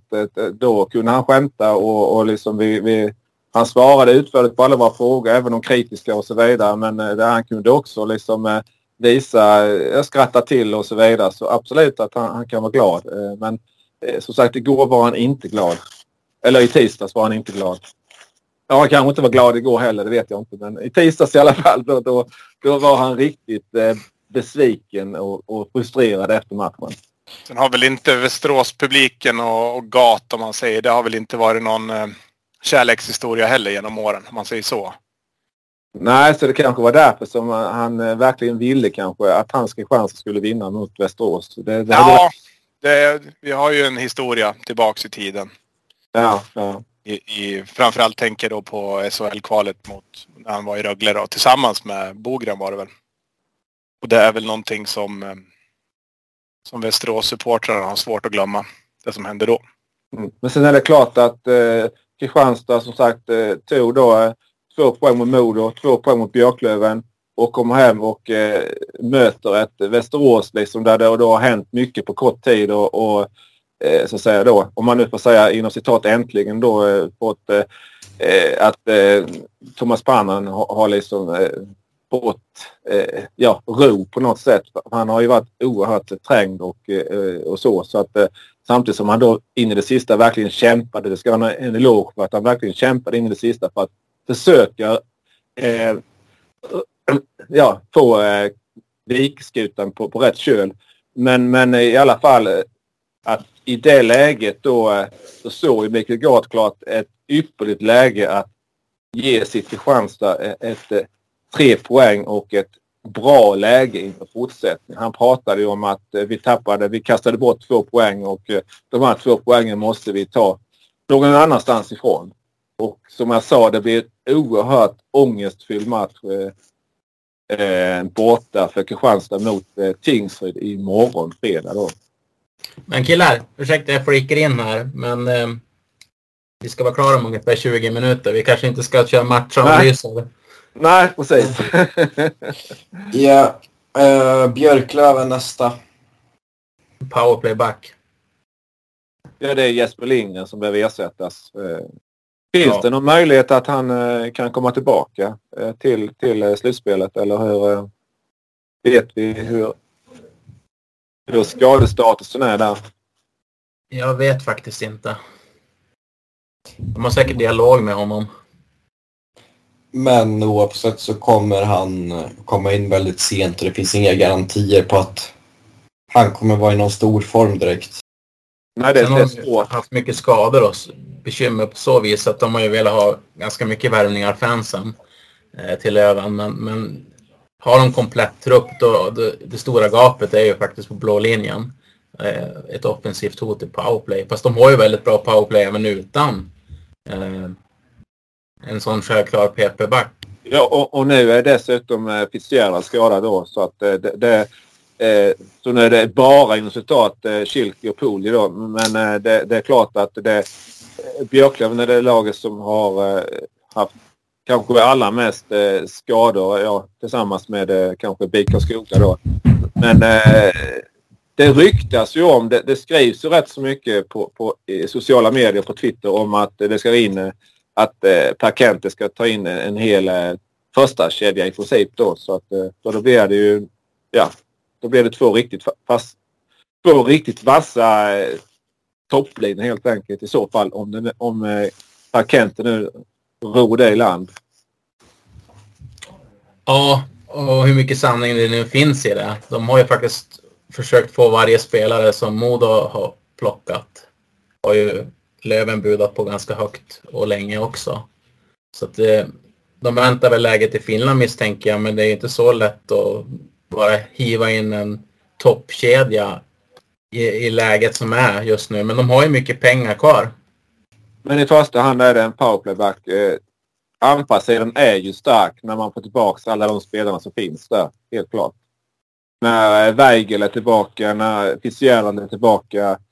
Nu har ju Olofsson precis kommit tillbaka. Så det, det, det är ju många offensiva eh, spetsspelare som saknas. Och eh, när eh, de är tillbaka så är det klart att då är ju Björklöven eh, en väldigt eh, stark kandidat också till att ta det här klivet då.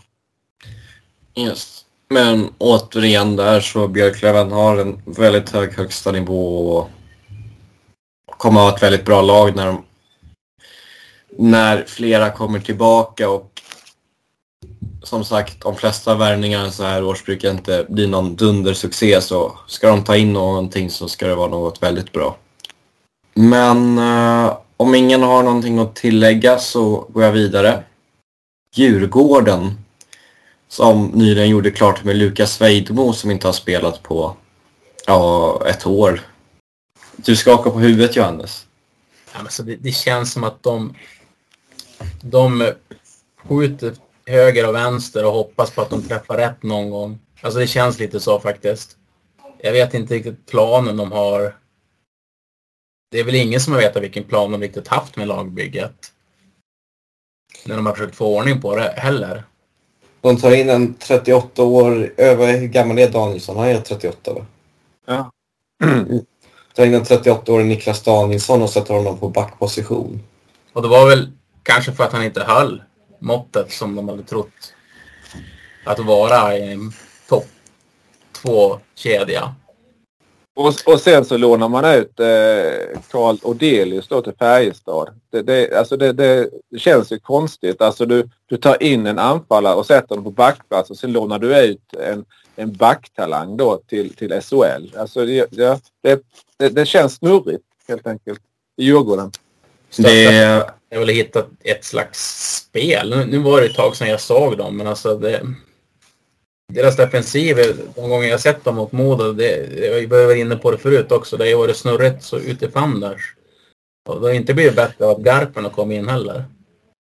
Mm. Ja, ja, egentligen när, när det var Djurgården mot SSK på Hovet i lördags. Det, det är liksom... Jag tänkte efter... SSK är lite inne i en spelmässig formsvacka just nu så jag tänkte efter en period, vad fan är det här för hockeymatch? Det, det ser otroligt lamt ut i Djurgården. Eh, de var säkert jättenöjda med den insatsen men det är inget lag jag tror på överhuvudtaget och eh, det är liksom det känns som senaste månaderna, allt som kommer på marknaden som är 30 plus ska in i lag. Det, det, det, det, jag undrar om KG Stoppel ens vet vad, vem, en, vem en spelare som Golovkovs är för någon. Det... Han, han är ja, ja, eller det känns som att ska vara någonting krav på att du måste ha en meritlista med landskamper och gjort visst antal poäng i SHL. Lite överdrivet, men eh, det, det, det, det finns ingen, jag ser ingen röd tråd någonstans. Utan det är bara profiler och Djurgårdshjärtan. Skulle man göra en sån lista över eh, meriter, eh, hur många matcher man har gjort i NHL, eh, ja, topplägg i andra, andra länder och ja, SHL-matcher, då skulle nog Djurgården toppa den ligan. Men tittar man i HR-tabellen så, så intar ju Djurgården för närvarande en, ja, inte någon toppposition och eh, spelet haltar och, och så vidare. Så att det, det är märkligt, det, det, kan man tycka. Mm. Och det jag, ville, det jag ville komma till lite är att jag ser inte vad det är man kan ta in som, så här sent som gör någon större förändring. Det, det känns som man har grävt sin egen grav alldeles för djupt. Mm. Nej, jag håller med dig. Visst var det att de tittade på en målvakt, alltså att de ville ha in en målvakt. Men sen kom ju den här liran istället. Men de kanske tittar på båda. Men, men eh, jag är lite grann inne på det du säger Adam, att det är felbyggt från början. Vad jag har förstått så Kevin Karlsson, men han är i frysboxen nu. Jag läste någonstans där Anton Högsander som skriver på Svenska fans. Att, eh, jag menar Kevin Karlsson han eh, har väl tillhört kanske de bättre backarna men han har kanske sjunkit allt längre ner i hierarkin. Eh, Stefan Elliot kom in och med flera och som sagt nu satsar ju Garpenlöv på Niklas Danielsson på backsidan. Så att, eh, men eh, det känns lite märkligt att eh, en sån back som Kevin Karlsson med den drivet i skridskoåkningen och han gjorde ändå ett antal mål och, och så. Så att det, det, känns märkligt att han är i frysboxen. Men anledningen är väl faktiskt Niklas Danielsson. Det är väl det som är den enskilt största anledningen att Kevin Karlsson hamnat i frysboxen. De har ju en klassback där. I Danielsson. Ja. Det, det, det, känns som någon dålig komedi att man har Kalle Odelius och Kevin Karlsson. Den ena sätter du på läktaren, den andra lånar ut till din största SHL-rival. Och så spelar du Niklas Danielsson i första backpar. Mm. Det, det är nog många djurgårdare som funderar på det här också. Sen är det tufft. Jag vet inte, sparkar de Jocke Fagervall när de låg trea va? I tabellen, är det någon som minns? Ja, det var två eller tre var de då. Ja, precis. Så man, har ju, man spelar ju ut det här kortet tidigt och fick ju absolut inte den effekten av det som, som de själva såklart hade hoppats på. Vi var väl skeptiska här till exempel och det var väl många andra eh, också. Så nej, de ska väl vara egentligen glada över att de samlar ihop så mycket poäng första halvan av, av serien egentligen. För det var väl en ja, hel del poäng som, som ramlade in på konto som kanske inte var speciellt välförtjänta. Mm. Ja, och att Carl, Carl Lindbom eh, spelade så bra då. Det, det, de har ju tackat honom eh, både då och framförallt nu retroaktivt att eh, han var, det var ju som du sa Johannes då, även du Adam, att det, den nivån som Carl Lindbom höll då, det, den håller man inte en hel säsong alltså. Ja, och det är egentligen att jag... Det, det är en hel det är en jävla nedgradering att gå från Fagervall till Garpenlöv men jag tror att de flesta tränare skulle misslyckas för jag tror att hela laget är... Jag tror det är ett sportchefsproblem först och främst. Ja, absolut. Jag håller med. Jag tyckte jag såg någonting som rullade förbi Twitterflödet igår. Jag vet inte, jag kan ha sett fel, men var det inte Wennerholm på Aftonbladet där som tippade fortsätta, att de skulle gå upp till SHL? Någon som har sett det eller? Ja, och det, det roliga är ju att han jämför med att han jämförde Garpenlövs intåg med, med Thomas Mittells förvandling i Färjestad förra säsongen. Det, han ger hopp om att vem som helst ska kunna bli sportjournalist. Men hur många lag har inte han tippat ska gå upp i år? Det är väl Modo, Mora, Karlskoga, Djurgården, SSK har nyat. Det är klart, skriver man en artikel om varje topp 8-lag så kan man ju Till och med Västerås var väl med där åtminstone i september. Men då kan han ju alltid säga sen, ja men det skrev jag ju redan då i januari. Att, eh, men de, ja, andra sju, eh, de andra sju artiklarna de kan han slänga i papperskorgen. Men han kan plocka fram den här åttonde artikeln. men det, ja. det roliga med den senaste krönikan var typ senaste två säsongerna har jag tippat att Timrå och HV ska gå upp och fått rätt. Nej. Som 99 procent av övriga hockey-Sverige. Gud. Ja, det är, imponerande. Från självdistans. Jag, men, jag, ska inte vara alltför taskig. Jag tror han skrev också senare att det inte är så mycket att skryta om, men att ens nämna det. Men ska Djurgården ta in någonting då? Eh, som sagt, de lånar ju ut spelare istället ju så att eh, det... det ja. Ryktas det inte lite om, eh, om Henrik Eriksson, deras gamla lagkapten? var både Mora och Djurgården som var rookie han va? Pricken över i för deras värvningar den här säsongen. Ja. hade inte Niklas Falk nappat på anbudet och blivit headcoach i Västervik så kanske han hade gått in på och spelat i backpar med Niklas Danielsson. Nej, alltså det är klart att eh, de har säkert pengar och dyker upp något bra så skulle de säkert varken ingen av deras lagdelar håller högsta klass i allsvenskan men eh, hade jag varit en Djurgårdssupporter så hade jag nog bara ställt in mig på nästa säsong. Det inget de kan göra kommer göra dem till en riktig SHL-utmanare. De ska väl, som det ser ut nu i tabellen, så ska de väl tampas med... Eh, ja, nej men tar de sig om för kvartsfinal så tycker jag de har gjort det bra. Fast å andra sidan inför säsongen så såg man ju de som självklara utmanare på något vis. Till SHL-platsen. Ja, men eh, vi hade fel. Ja, vi är inte som Wennerholm. Kan inte alltid ha rätt. Nåja, jag kanske har dissat dem tillräckligt. Eh, så vi har tre lag kvar nu. Karlskoga nästa. Ditt favoritlag Johannes. Nu har ju inte ja, varit med dit på länge. Har, har, du någon snus eh, hemma? Eller det... jag, jag har beställt snus från nätet. Jag fick det idag. Det är på OKQ8 så jag ska ju dit också och hämta. Du, du gör som Max. Du tar en resa. Han var ute och köpte glass. Kanske också snus. ja, snusresa. Nej, men, eh, vad ska man säga om dem? De eh, känns som ett gediget lag. Marcus Modigs tror jag de gärna skulle ersätta med en eh, forward som producerar. De skulle säkert också tycka det var jätteroligt om de fick in en eh, annan back än eh, Henrik Larsson som producerar. Men annars är det ju som ett stabilt lagbygge. Om de har tur kan, de väl rugga någon, något lag i kvartsfinal men eh, de har alldeles för lite spets och bredd för att vara något riktigt hot egentligen. Så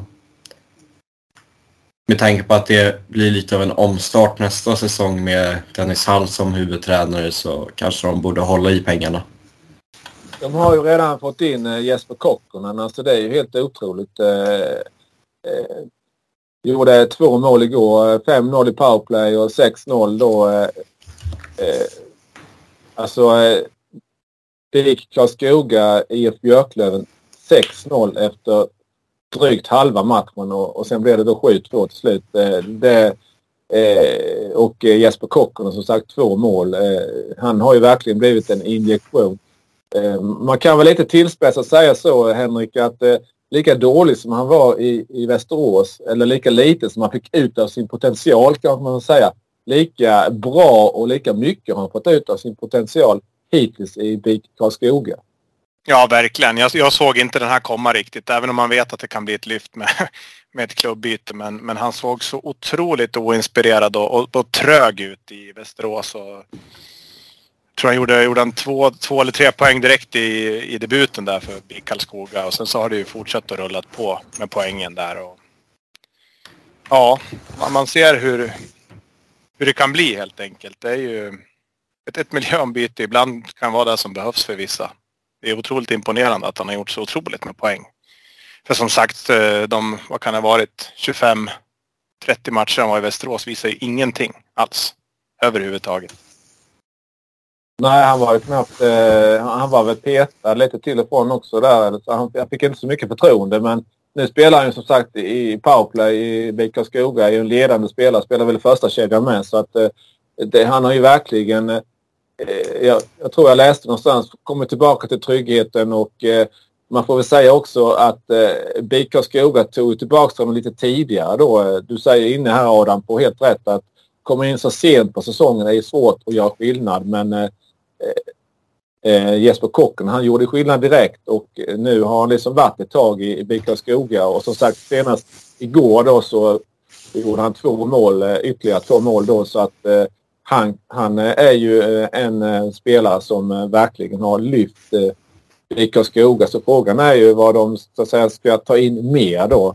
Målvaktssidan behöver de inte ta in någonting för det har de kanske tillsammans med Modo om Tex Williamson varvar upp den bästa målvaktssidan i Lars Wolden och Marcus Helgen Smed. Så att det, det är väl, ja, Jag vet inte om det är på backsidan eller anfallssidan som man kanske skulle behöva ha något ytterligare då.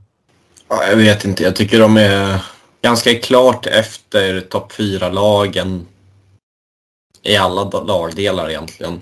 Eh, Bolden och Hellgrens med har väl inte varit riktigt lika bra i år som föregående säsong. Eh.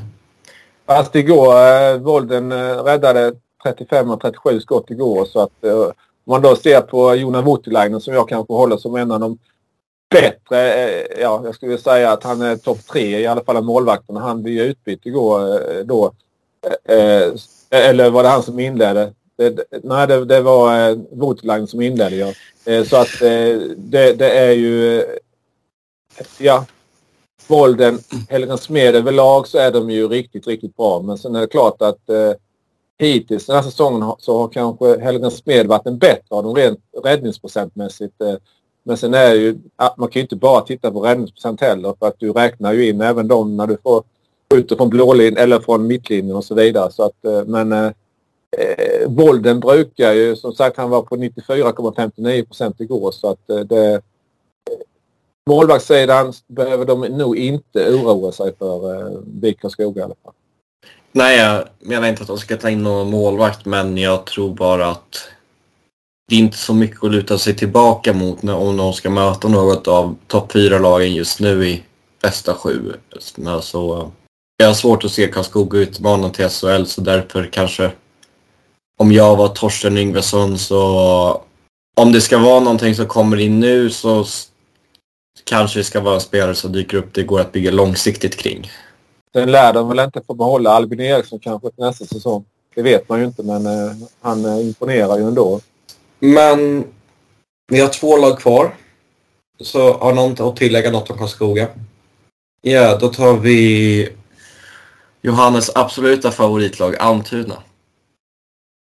Ja, man sparar det bästa till sist. Vi har ju bara Almtuna och AIK kvar. Det har ju skett en eh, övergång eh, där eh, från Almtuna till, eller från AIK till Almtuna. Förlåt. Ja, William Eriksson, det första han gjorde var väl att sänka AIK genom att göra tre poäng. Det är alltså, jag trodde mycket på honom inför säsongen till AIK. Jag, jag, jag har sett William mycket. Det är en väldigt duktig spelare. Så jag varit väldigt förvånad att, att han gick så dåligt i, i, i AIK. Men vad har han gjort nu? Sex poäng på fyra matcher i Almtuna. Mm. Satt uh, ett väldigt snyggt slagskott igår.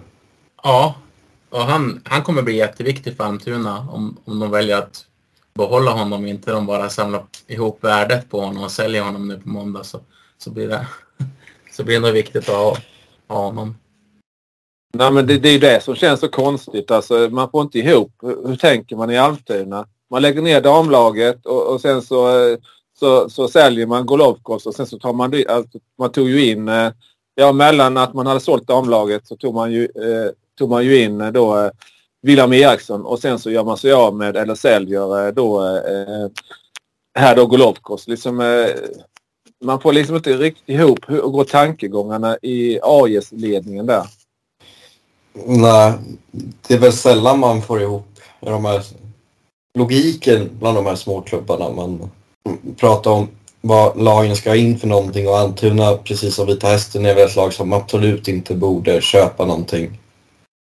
Mm. Eh, om man har, om man har, för de kommer inte få någon möjlighet att signa någonting väldigt bra. De har inte råd med det heller. Så om de ska ta in någonting nu så är det en chansning. Och har man så pass dålig ekonomi att man säljer Golovkovs och lägger ner damlaget då ska man inte göra någon chansvärvning sista dagarna innan deadline. Det var bra sagt Adam. Ska man kunna se Eh, alla i damsektionen i ögonen i Almtuna IS så, så tycker jag att man ska hålla sina pengar, ja. Ett av de skickligare lagen där mellan plats 7 till 14. Eh, så jag tror även om de har inget, jag känner inte heller att de har något behov sportligt av att värva heller utan de har några skickliga lirare även om Golovkovs lämnar som Harlestam och Eriksson. Eh, Oskar Asplund Andrén i mål. Sen får vi se hur många av dem som är kvar innan 15 februari men det finns, det finns ingen oro för playout heller. Du tycker inte det? Alltså det, det, de är inte så eh, långt ifrån. Alltså 13 platsen.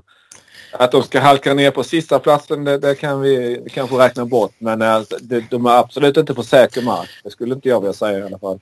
Nej, men jag, jag, jag ändå jämför i min värld deras skicklighet jämfört med de de konkurrerar med så är det otroligt svårt att alla de lagen som är efter ska plocka fler poäng än Almtuna sista tio matcherna. Nej, det är nog som du säger Adam, det är ju åtta poäng ner trots allt. Men det är klart att den här veckan för dem blir väl viktig in mot den, den 15. Skulle de fortfarande ha samma poängdifferens ner då, då kanske vi kan få se lite, lite fler spelare som lämnar där. Även om Men, det... alltså, alltså, alltså Henrik, nu försöker jag liksom dra in Almtuna här i striden med, med Västerås och Kristianstad. Ja, ja, vi, ja, ja vi, ska, vi ska inte räkna bort dem helt än. Vi ska ju själva resa dit på lördag. Och jag ska dit själv också troligtvis. Till Gränbyhallen. Jag har sett många fantastiska matcher i den arenan. Och många tråkiga tillknäppta tillställningar också. Så vi får väl se vad det blir för matchbild då. Men eh, nej visst, det, det går fort med det här trepoängssystemet. Skulle de förlora tre, tre, fyra raka här nu så kan de väl absolut bli indragna. Men eh, åtta poäng ganska mycket ändå. Jag vet inte vad Tingsryd och Östersund kommer ha för mm. poängsnitt rätt in sista tio men eh, tar de mer än eh, drygt en poäng per match räcker det egentligen att Almtuna tar kanske två, tre segrar till på sista tio. Mm. Ja, åtta poäng på tio matcher, det är ganska orealistiskt att tappa det. För om man har, om poängdifferensen är större än vad än eh, antalet matcher så är det väldigt orealistiskt att tappa. Så jag tycker ändå Almtuna har ett ganska bra läge. Det håller jag med dig om, men vi kan inte räkna bort dem ändå. Nej, vi ska dra in dem där. Vi ska dra ja, in. precis. Den 17-18 då har de väl ett dubbelmöte mot Tingsred. Försök, försöker du räkna ur lägen att bli av med Almtuna? Nej, jag tror, jag tror att det är då. De har ju lite svåra matcher framför sig. De har ju bland annat Modo, de har Västerås, Mora tror jag också de, de ska tampas med. Och, men sen tror jag de är... Det viktiga för dem är att vinna mot lagen som, som ligger nedanför dem. Och det tror jag de gör. Jag tror att vi får se Almtuna nästa år igen. Ja, om, om, om inte de ekonomiska problemen sätter stopp för dem då. Ja, men det, så har vi sagt, sagt om så många klubbar nu. Vi har sagt det om Väst, Västervik och Vita Hästen. Almtuna. nu. Byter ut, halva li byter ut halva ligan. Ja, det är tråkigt att det är näst högsta ligan, att det är så svårt med ekonomin. Alltså det är så lite mm. pengar som strömmar in till Hockeyallsvenskan att det, det ska vara kris för klubbar varje år. Jag tänkte bara, jag önskar lyssnarna hade kunnat se besvikelsen i din blick när du säger vi, vi får nog dras med dem även nästa år. Ja, men det är inte så att man jublar. Det är det ju inte. men jag ägnar alldeles för mycket tid till dem nu om ja. relation till deras fans. AIK då? Sista laget. Ja. Men där man kan väl säga om man, om man ska göra en parallell mellan eh, eh AIK och eh, Almtuna eh, och eh, kanske då även eh, säger William Eriksson kontra Renas Krastenbergs så, så har ju Renas Krastenbergs gjorde väl ingen eh, människa glad, eh, ingen support i alla fall i eh, Södertälje men han har kanske gjort ett och annat AIK-fans eh, glad i alla fall. Han gjorde ju mål senast igår ju. Ja. Men, uh, han har fått lite den där ketchup-effekten de väntade med ganska länge i SSK kanske. Sen i alla fall jag tittade på hans skottprocent, det var ett tag sedan. Eh, det, det, jag tittade på den inför deras match mot SSK och då var den, då hade han gjort mål på varannat skott om jag kommer ihåg rätt. Hans första match i AIK. Det är ju inte hållbart i längden så ja, han, han, aldrig, han var aldrig någon som stack ut riktigt spelmässigt i fem mot fem så, och det tror jag har fortsatt även i AIK men han har börjat sätta sina lägen. Sen får vi se om det håller hela säsongen. Men vad, behöver AIK ha in egentligen? Vi pratade ju senast om eh, att de inte hade den här spetsmålvakten. De har ju två jämna målvakter. Ska de ta in en tredje målvakt e-, eller eh, e-, är det... Alltså om man ser på anfallssidan så har ju faktiskt Gynge har börjat leverera. Eh, Musito Bagenda har ju i princip levererat hela säsongen. De har ett antal spelare där. Eller är det backsidan? Man behöver få in en back Ja. Uh, ja, det är backsidan absolut deras ja. svagaste ja. lag. Uh, sen visst, en, en supermålvakt hade väl uh, vet, varit nyttigt för dem, men att hitta en sån målvakt på den här marknaden sista dagarna, lyckas Malmö med det så kan han köpa en trisslott också. Det, det händer inte. Så backsidan är väl det absolut. Sen eh, Sen är deras forwardsida inte topp i ligan på något sätt heller så eh, det skulle också de ha nytta av. Men det är ju ännu viktigt, alltså Gynge är uppe på 20 mål nu och de sitter på agenda 21 mål. Eh, det, det, det, är ju ändå liksom, de, de har ju verkligen eh, och Oskar Nord, han, han eh, gjorde rätt mycket mål i, i höstas men han har väl, hans, han var, är väl egentligen inte den målskytten på samma sätt som Gynge och Musito Bagenda men, men eh, eh, men som sagt, han har ju bidragit eh, där och när han är ju den här tuffa spelaren med Nord så att eh, men eh, de har ju ändå fått ordning på sin offensiv eh, bättre. Sen min, ja, man ska inte säga, ska inte säga hatobjekt, men Adam Rockwood, ja. Det, det, han har ju levererat 27 assist. Det får man ju ge honom lite respekt för, men han har bara gjort fem mål.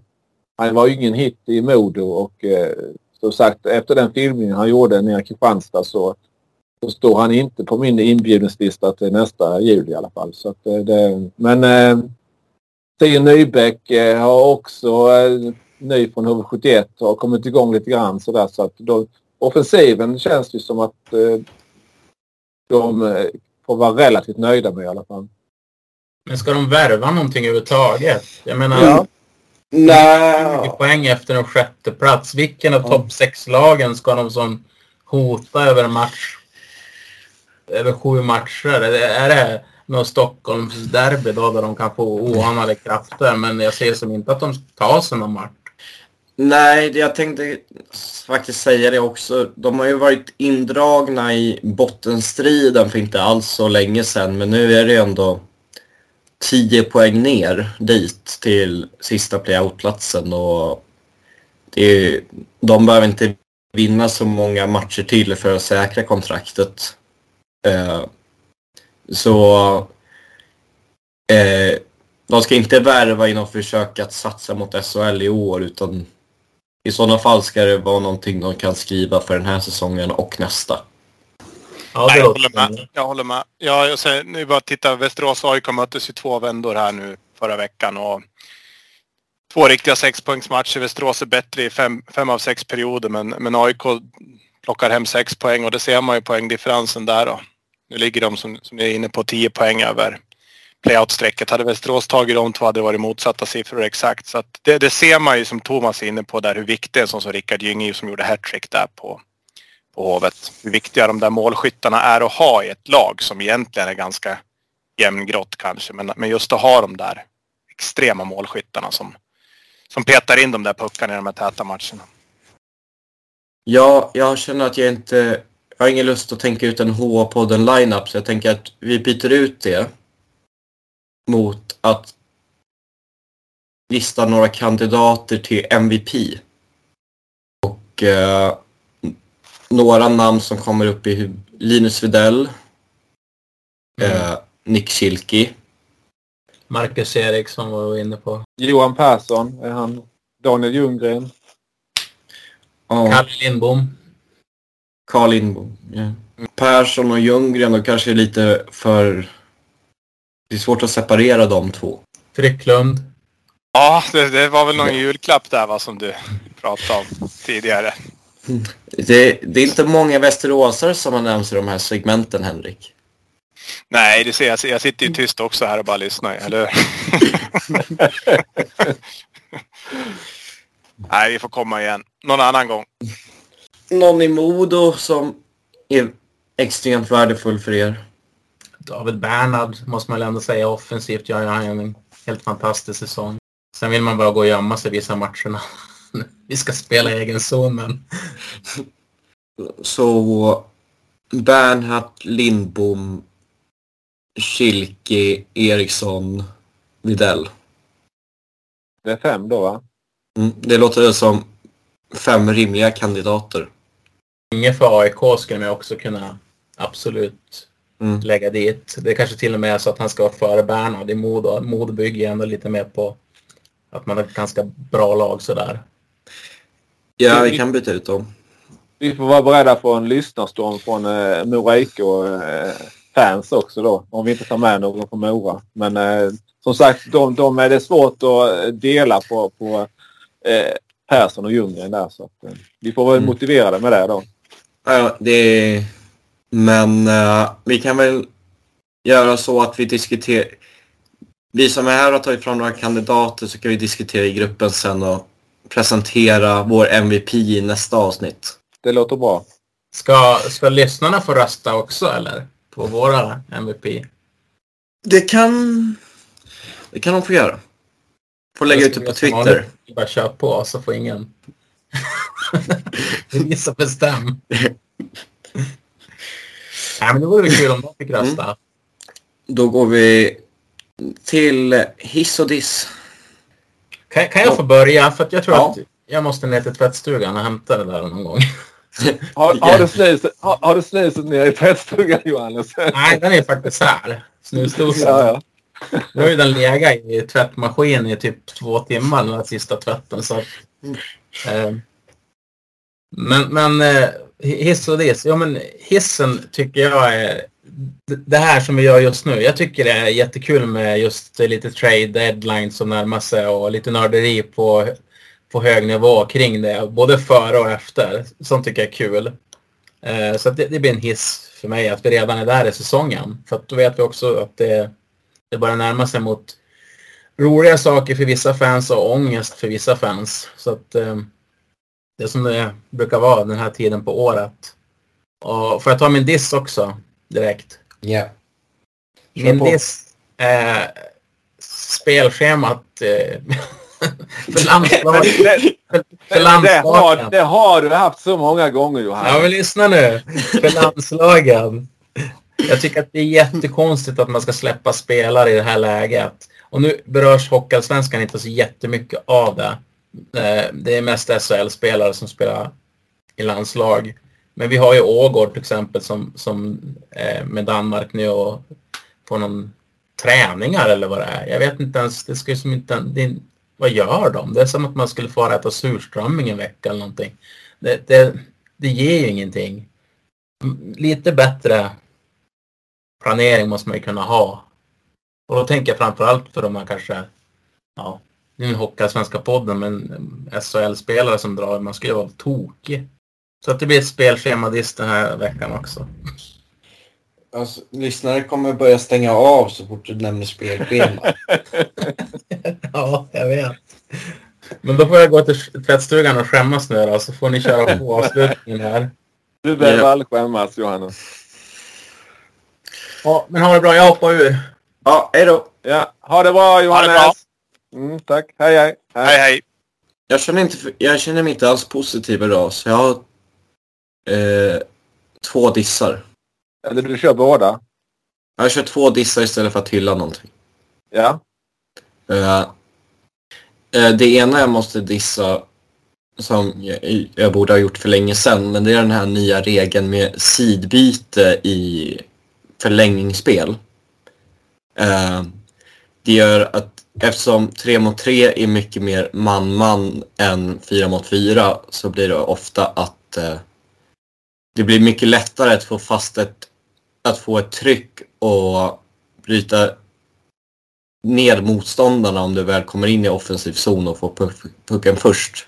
Du var inne lite på det tidigare Thomas, hur mycket Västerås hade pucken i overtime-spelet i Kristianstad. Ja, helt, helt otroligt. Och jag tycker att uh, det har hänt också förut någon gång match mot mellan Djurgården och SSK den första på Hovet och jag tycker egentligen att eh, om man ska stressa fram ett avgörande så förbannat mycket att eh, det inte räcker med att ha någon vanlig 3 mot 3 jippo och att 4 mot 4 inte räcker till. Då, då kan man lika gärna låta det sluta oavgjort för jag tycker egentligen när, vanligt 3 mot 3 trams, det är inte hockey. Och straffar är också ganska mycket egentligen tur.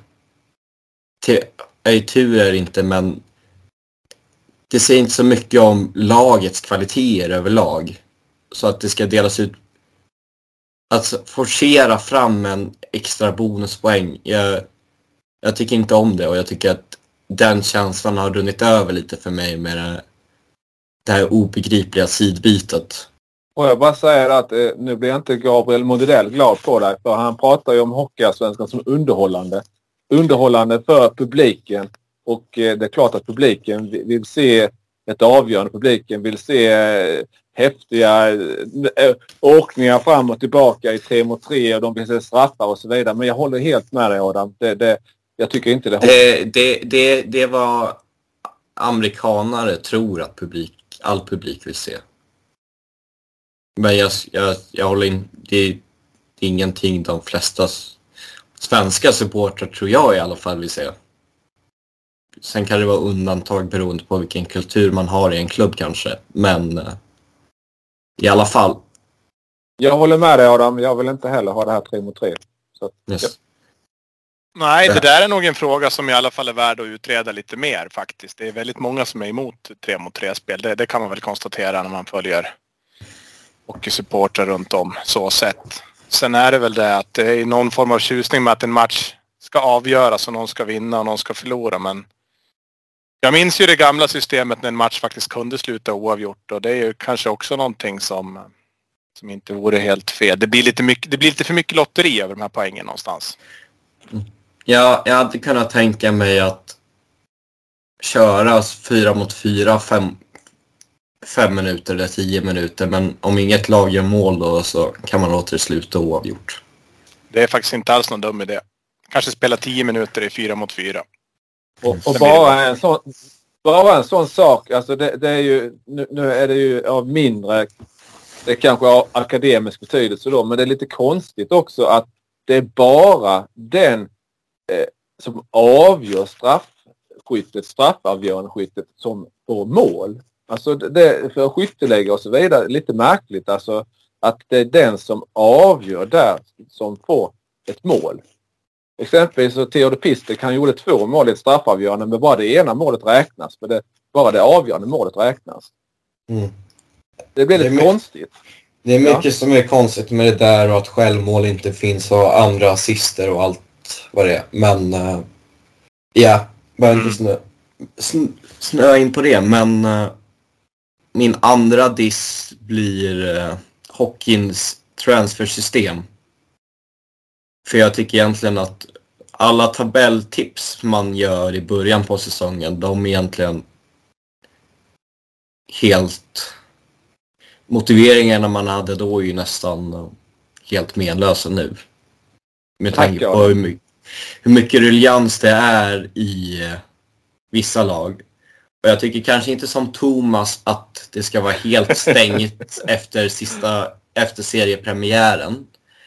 För jag tycker att det kan vara spelare som verkligen inte trivs i en förening och det kan vara ohållbara situationer och sånt kan, måste kunna ändras på under säsong. Men jag tycker att det är helt obegripligt att det ska vara fri cirkus från seriepremiär till mitten på februari. Utan jag tycker snarare att eh, stäng fönstret sista augusti, lås upp fönstret en månad någon gång under säsongen. Det här, är, det här blir bara helt... Det går överstyr. Adam, jag måste säga det att eh, jag eh, eh, tänkte det att det är precis... För, ja, jag hade ju en lång eh, harang om det på eh, KIK enligt Andy Omlin för några dagar sedan. Och jag har tagit fasta på vad du sa Adam. Jag skulle egentligen credda dig för det. För att jag skrev ju precis det att eh, det öppnade en månad i januari då och det är du som har fått mig på de tankarna Adam. Så jag kan ju via HR-podden eh, framföra det här credden till dig Adam. För att eh, det, jag inser ju att jag är stenåldersmässig och på annars och så vidare. Så att du har liksom vidgat syn den, där för mig. Så, att, det, så du får den här credden nu istället Adam. Nej, men jag håller också med Adam. Jag tycker att det är faktiskt, det är, det är precis som du säger, det, att det är öppet hela tiden och då får vi också de här korttidslånen hit och dit. Man spelar med ett lag en vecka och så spelar man mot det laget med ett annat lag veckan efter. Jag tycker det, det tappar ju liksom, klubbarna tappar ju sin identitet på det sättet också.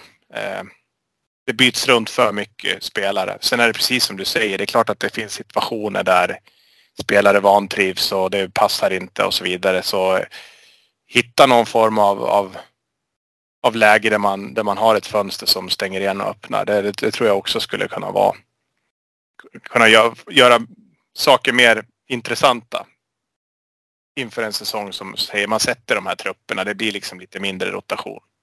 Man kanske tvingas plocka upp lite mer juniorer och så vidare istället för att låna hejvilt med spelare. Men man vill... Ja, du, du, du, skulle inte köra någon... Du, du tog två diss istället.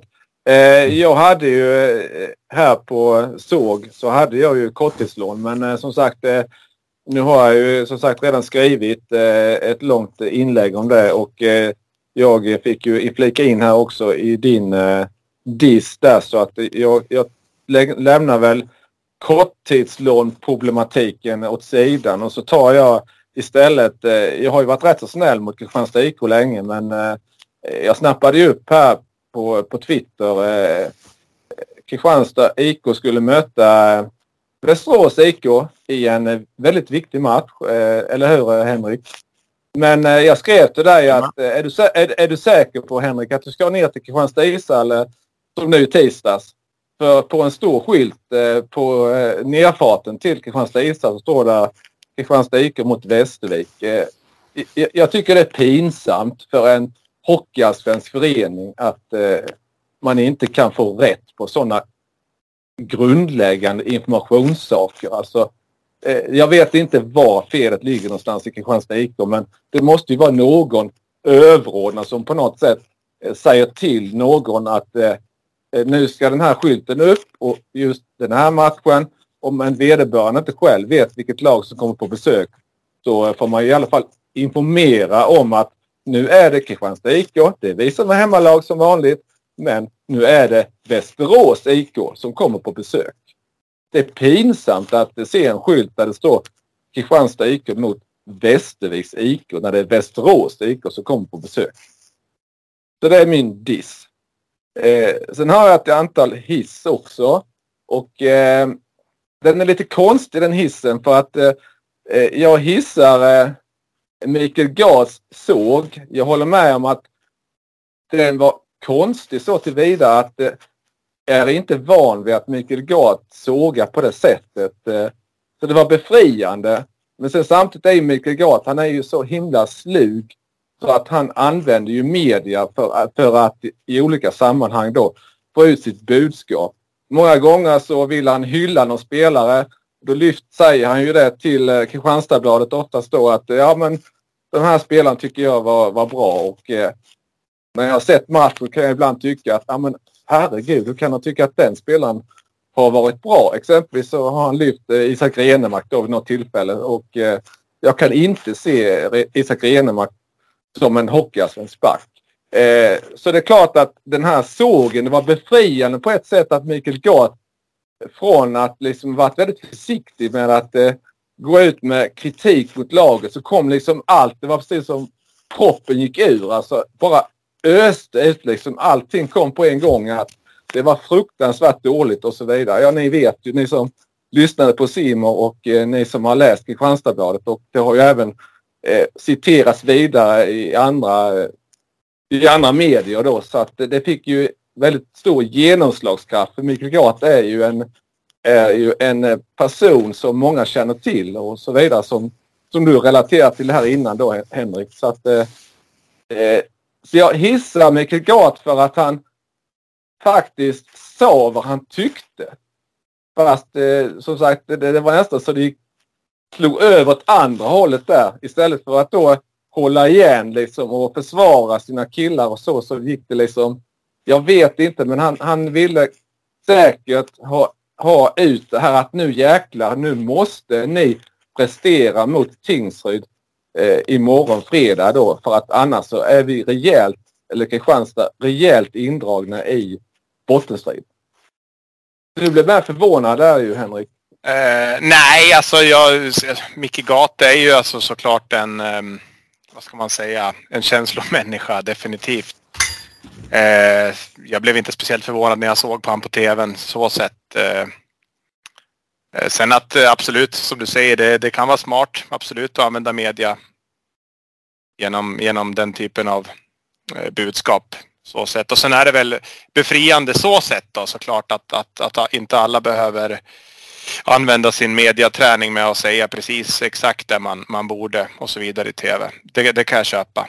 Sen som sagt när det gäller Micke Gat så är inte han speciellt populär i, i mina kretsar, där jag rör mig så att säga. Så är det ju. Det lär inte förändras. Jag tror inte han är populär i någon krets utanför Kristianstad. Jag har ju Sen sett... kanske extra i Västerås men... Eh, jag har ju sett, som jag sa innan, jag har träffat, eh, jag och Max har träffat mycket gratis ett antal tillfällen när vi spelade in eh, vår, eh, ja, KIK Elins son. Då hade vi också ett antal poddar. Eh, Max han klarade ju av att sköta teknik och så vidare så att eh, då, då spelade vi in poddar.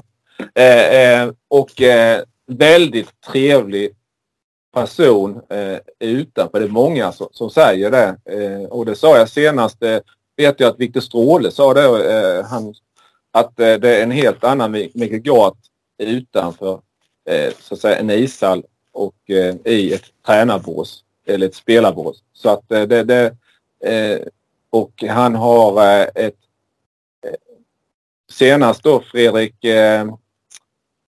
Hansson, en mångårig lagkapten i Kristianstad IK, sa ju det att det är en eh, tränare, en coach som verkligen ser spelarna och, Eh, liksom, och bemödar sig om att de ska trivas i laget, i gruppen och så vidare. Så att eh, ser att eh, man ska trivas privat också och så. Så att han, han, han har den sidan men den kommer klart inte ut. Man ser bara den sidan han har, han har som tränare. Eh, och det är klart ur den aspekten så, så försöker han ju ibland skydda sina spelare, inte minst i, i den här då eh, semi eller kvartsfinalserien mot Modo förra säsongen. Då tog han ju all medial uppmärksamhet och eh, hans spelare kunde gå under radarn där då. Så att, eh, det var ju ett smart sätt också att använda media på det sättet. Så att, eh, när det enda ordet skulle jag bara säga det att jag, jag, jag vill bara kort hissa Thomas Parmanen också det här för att han eh, det var ingen rolig sorti för honom men, men kanske då nödvändig. Men Thomas Pannanen som person och människa.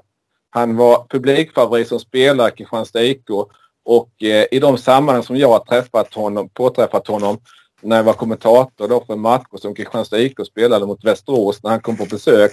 Alltid trevlig, alltid proffsig, svarade på alla frågor. Eh, och jag tycker också att han eh, har tagit, eh, det är klart att det har tyngt Thomas Pannanen, de här eh, resultaten har gått emot hans lag men han har ändå, tycker jag, uppträtt proffsigt i alla lägen gentemot media, alla presskonferenser och allting. Så ur den aspekten så vill jag hylla Thomas Pannanen. Har du någon hiss och diss, Henrik? Eh, ja, jag har inte förberett någonting egentligen. Eh, men eh, lite kort så.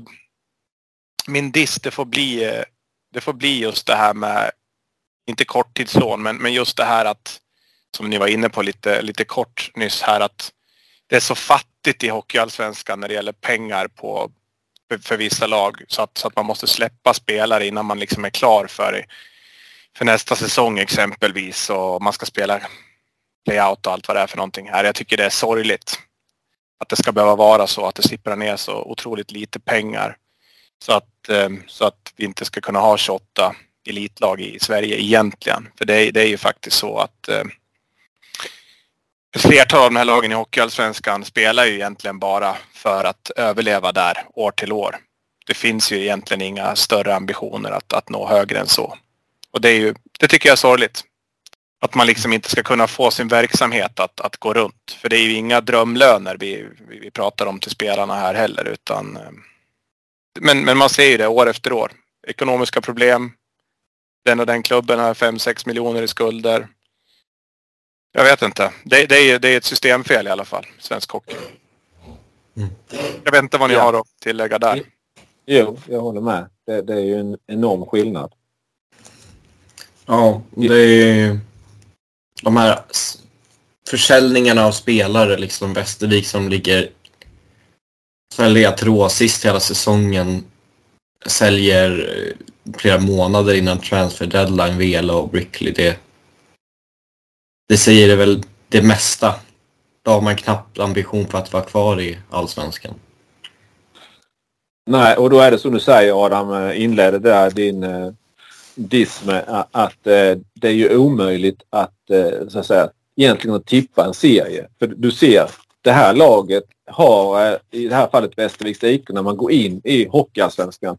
Men hur ser laget ut nu? Alltså det, det, det är bara ett exempel men alltså ändå, ändå ett eh, extremt eh, i negativ bemärkelse då exempel där de två bästa spelarna säljs av under säsongen att man behöver göra detta.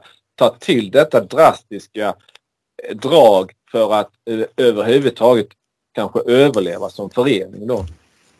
Mm. Ja precis, för det är inte så att Västervik betalar ut fantasilöner till spelarna i grunden. Utan de, de försöker värva ihop ett, ett skapligt konkurrenskraftigt lag och spela Hockeyallsvenskan med. Men deras enda egentligen deras enda alternativ att överleva år efter år är ju just att göra de här spelarförsäljningarna. Och det, det är klart att det, de lever ju såklart på lånad tid. Det, kom, det kommer ju inte att hålla. Vi får väl se om de klarar sig den här säsongen men eh, det funkar ju inte att år efter år släppa sina spetsspelare innan man eventuellt ska spela en playout-runda. Ja, och det är... Ehm, och sen kan man ju också ifrågasätta ibland klubbarna för ibland tycker jag att det är lite... Ibland är det rubriker om ekonomin och så, och sen värvas det två spelare månaden efter. Eh, jag vet inte, kanske någonting man måste göra om man vill klara sig en sportslig väg också. Ja, vi har, vi har ju berört det här ikväll men det, det känns ju märkligt eh, som, som, vi har sagt nu att eh, Almtuna då eh, lägger ner damlaget eh, och sen så eh, ja, inte så lång tid efter det så tar man då in eh, William Eriksson från AIK. Mm. Och sen då lite senare så, så säljer man av Georg Skolovkos. Det känns som man Antonie sig inne i en berg dalbana där. Ja, är man så fattig att man inte har råd med några klubbor och utrustning till ett lag så har man svårt att se att man har råd att värva något överhuvudtaget. Ja, men jag tycker inte man har hört så mycket om deras ekonomi heller på de senaste månaderna. De pratade ju tidigt om att det var 6 miljoner som fattades. Då när de mm. la ner damlaget som ni var inne på och så vidare. Men sen tycker jag det har varit ganska tyst väl. Mm. Ja, men jag, jag gissar ju, för det är inte... Jag tycker ändå Golovkov, han gick relativt billigt för att vara en offensiv spelare i Allsvenskan. Det gick för 200, mellan 200 och 300 000 är till Expressen. Det är, eller billigt jämfört med vad en del andra spelare under den här säsongen har kostat. Så jag tänk, om man gör en sån affär då är man ganska, så här sent, då är man ganska beroende av pengar. Mm, mm. Det blir väl en viktig match för deras del på lördag mot Västerås. De har ju sin eh, så kallade enkronans match då. Gränbyhallen eller inte. Det visar sig. Vi ska, ja. upp, vi ska uppdatera dig bara eh, Henrik. Den heter ju, för att få in lite pengar så har de döpt om sin eh, hall till Upplands Bilforum AB. Stämmer, men jag har så svårt för de där namnbytena på arenorna så jag kör vidare med, med ja. de här klassiska. Du kanske säger Rocklundahallen med fortfarande? Ja då, i alla fall varannan ja. gång kanske. Ja, ja. ja.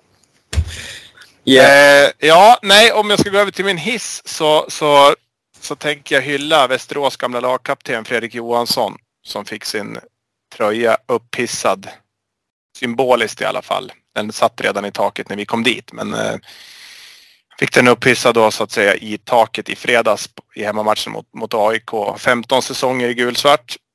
Alltid ett föredöme både på isen och vid sidan av isen och eh, och sen så tycker jag också att trotjänare i allmänhet oavsett om man har spelat i Västerås IK eller Södertälje eller var man nu har varit någonstans. Det är ett ut, utdöende släkte tyvärr. Det är väldigt sällan man, man ser någon, någon som har gjort eh, mer än fem, sex säsonger kanske nu. Så 15 säsonger tycker jag det är full, full och stor respekt för det. Vi har väl, ja det är Marcus Eriksson i Vita Hästen som som har gjort ytterligare några fler säsonger. Annars är det väl ganska dåligt med exempel på... Lukas, Lukas Karlsson gjorde match 400 nyligen, inne på sin tionde säsong i Södertälje. Ja. Ja. ja. Och, och, som jag nämnde innan, Fredrik Hansson eh, gjorde tio säsonger i Kristianstad. Eh, så att det finns ju några spelare, men som du säger, det är inte många. Det är inte många och de blir färre. Ja. Mm. Jag instämmer till fullo i din hyllning, eh, Henrik. Mm. Ja, det är lyssnarfrågorna som är kvar. Jag höll på att glömma dem. Kanske inte man ska erkänna under inspelningen, men... eh, och jag vill bara tillägga att Peter ville få in en diss, även om han inte är med, att Hockeyallsvenskans bildspel har noll struktur och att han blev åksjuk av att titta igenom bilderna från Modo och Västervik på grund av ordningen. Eh, ja, jag, jag, tror inte det är någonting som vi tre har reflekterat så mycket över men eh, han ville få med det. Vi, börjar, vi har två lyssnarfrågor att gå igenom bara. Första är från eh, Mattias Danielsson. Vilket lag vi tror åker ner i Hockeyettan? Jag vet, vågar ni två ens att tippa vilket lag som kommer hamna i ettan? Nej, jag törs inte säga någonting om det här egentligen. Faktiskt. Jag tycker ju att Västervik känns som det sämsta laget definitivt. Och det, de ligger ju 10 poäng ifrån äh, säker mark också så att... Äh, men nej, jag, jag, vill, jag vill faktiskt inte helst säga någonting alls. Där jag har ju sagt Östersund så att jag får väl stå fast vid eh, det då. Så att, eh, jag, jag, jag för mig att jag sa från första början att det är Almtuna och Östersund som kommer att spela playout. Och eh, att eh, Almtuna kommer att klara sig kvar eh, mycket tack vare Robert Kimby då. En, en eh, eh ja, väldigt kompetent eh, headcoach där då. Så att eh, och eh, jag tycker Östersund, de, de, har, eh, de har haft sina... De inledde ju HA-spelet bra. De hade en rejäl dipp när de släppte in eh, var det 29 mål på, på fyra matcher och sen så vann de ju i den femte matchen mot Kristianstad. Så då, då släppte de ju på den trenden, negativa trenden. Eh, så att men eh, de har... Sen har det ju varit lite fritt fall ett tag men sen så, så vann de borta mot Vita Hästen med 5-4 efter, efter att de har legat under eh, Vita Hästen ledde med 3-0 och matchen efter så vann de hemma mot BK Skoga. Eh, men nu senast igår förlorade de hemma mot AIK 0-2. Och eh, ja, jag tycker att eh, det, det, det känns som att Östersund, de, de nykomlingen som sprattlade lite i början och, och, så men det känns som att de, de jag tror det blir Östersund. Mm. Och jag tänker säga att Västervik... Västervik är redan klara för playout, men jag tror att... Så länge...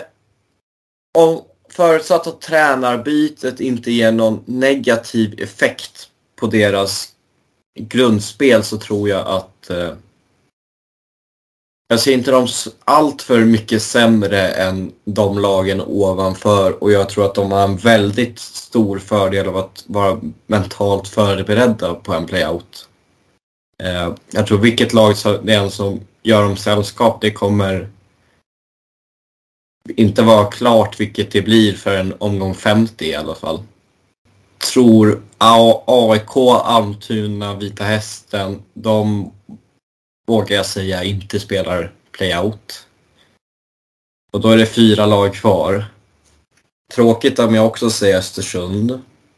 Och om det inte hade varit Västerås imorgon så hade jag kanske varit lite taskig, men det biter väl mig i arslet då. Men, ja.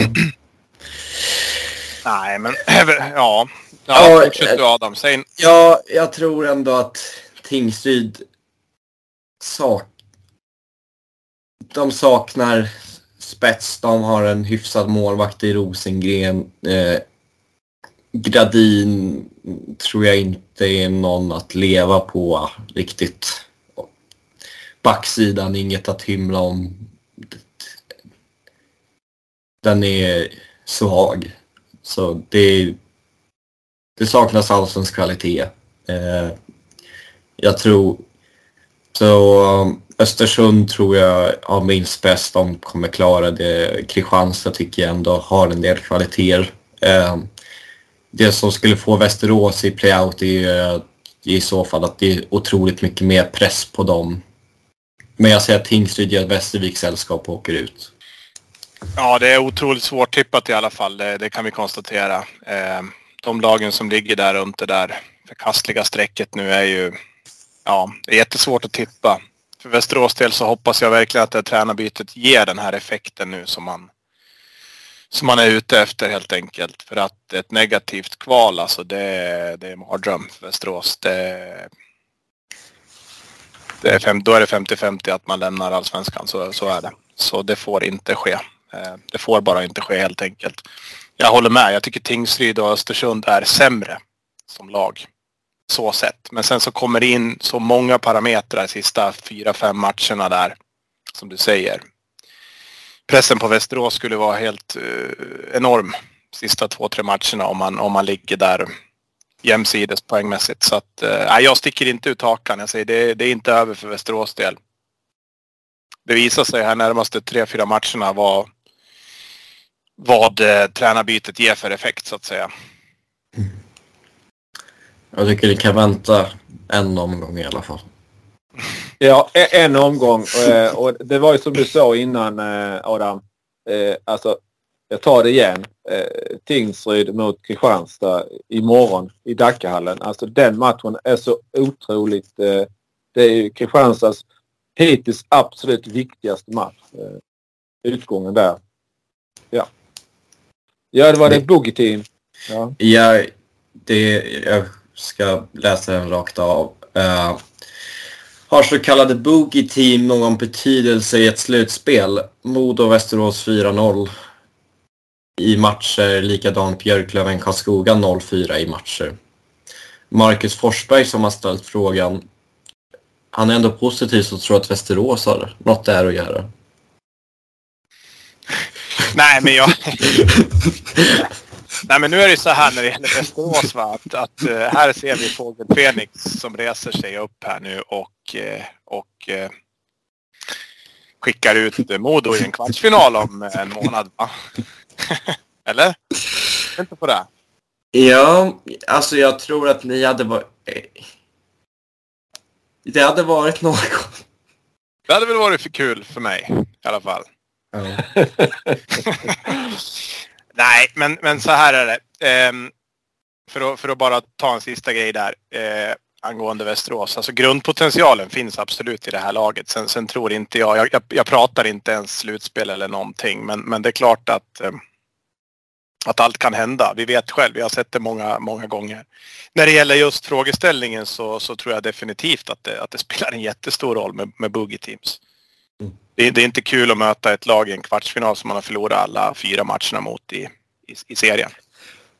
Ja, och det är som... Uh, det är som om tabellen som den är nu så exempelvis så tror jag att SSK skulle hoppas att Mora väljer Djurgården för det är ju väldigt skillnad på att möta Djurgården som man har förlorat ett, som man har ett tre minus inbördesmöte mot även om Djurgården inte har varit speciellt bra spelmässigt jämfört med att möta Karlskoga som man har tagit 11 av 12 poäng emot.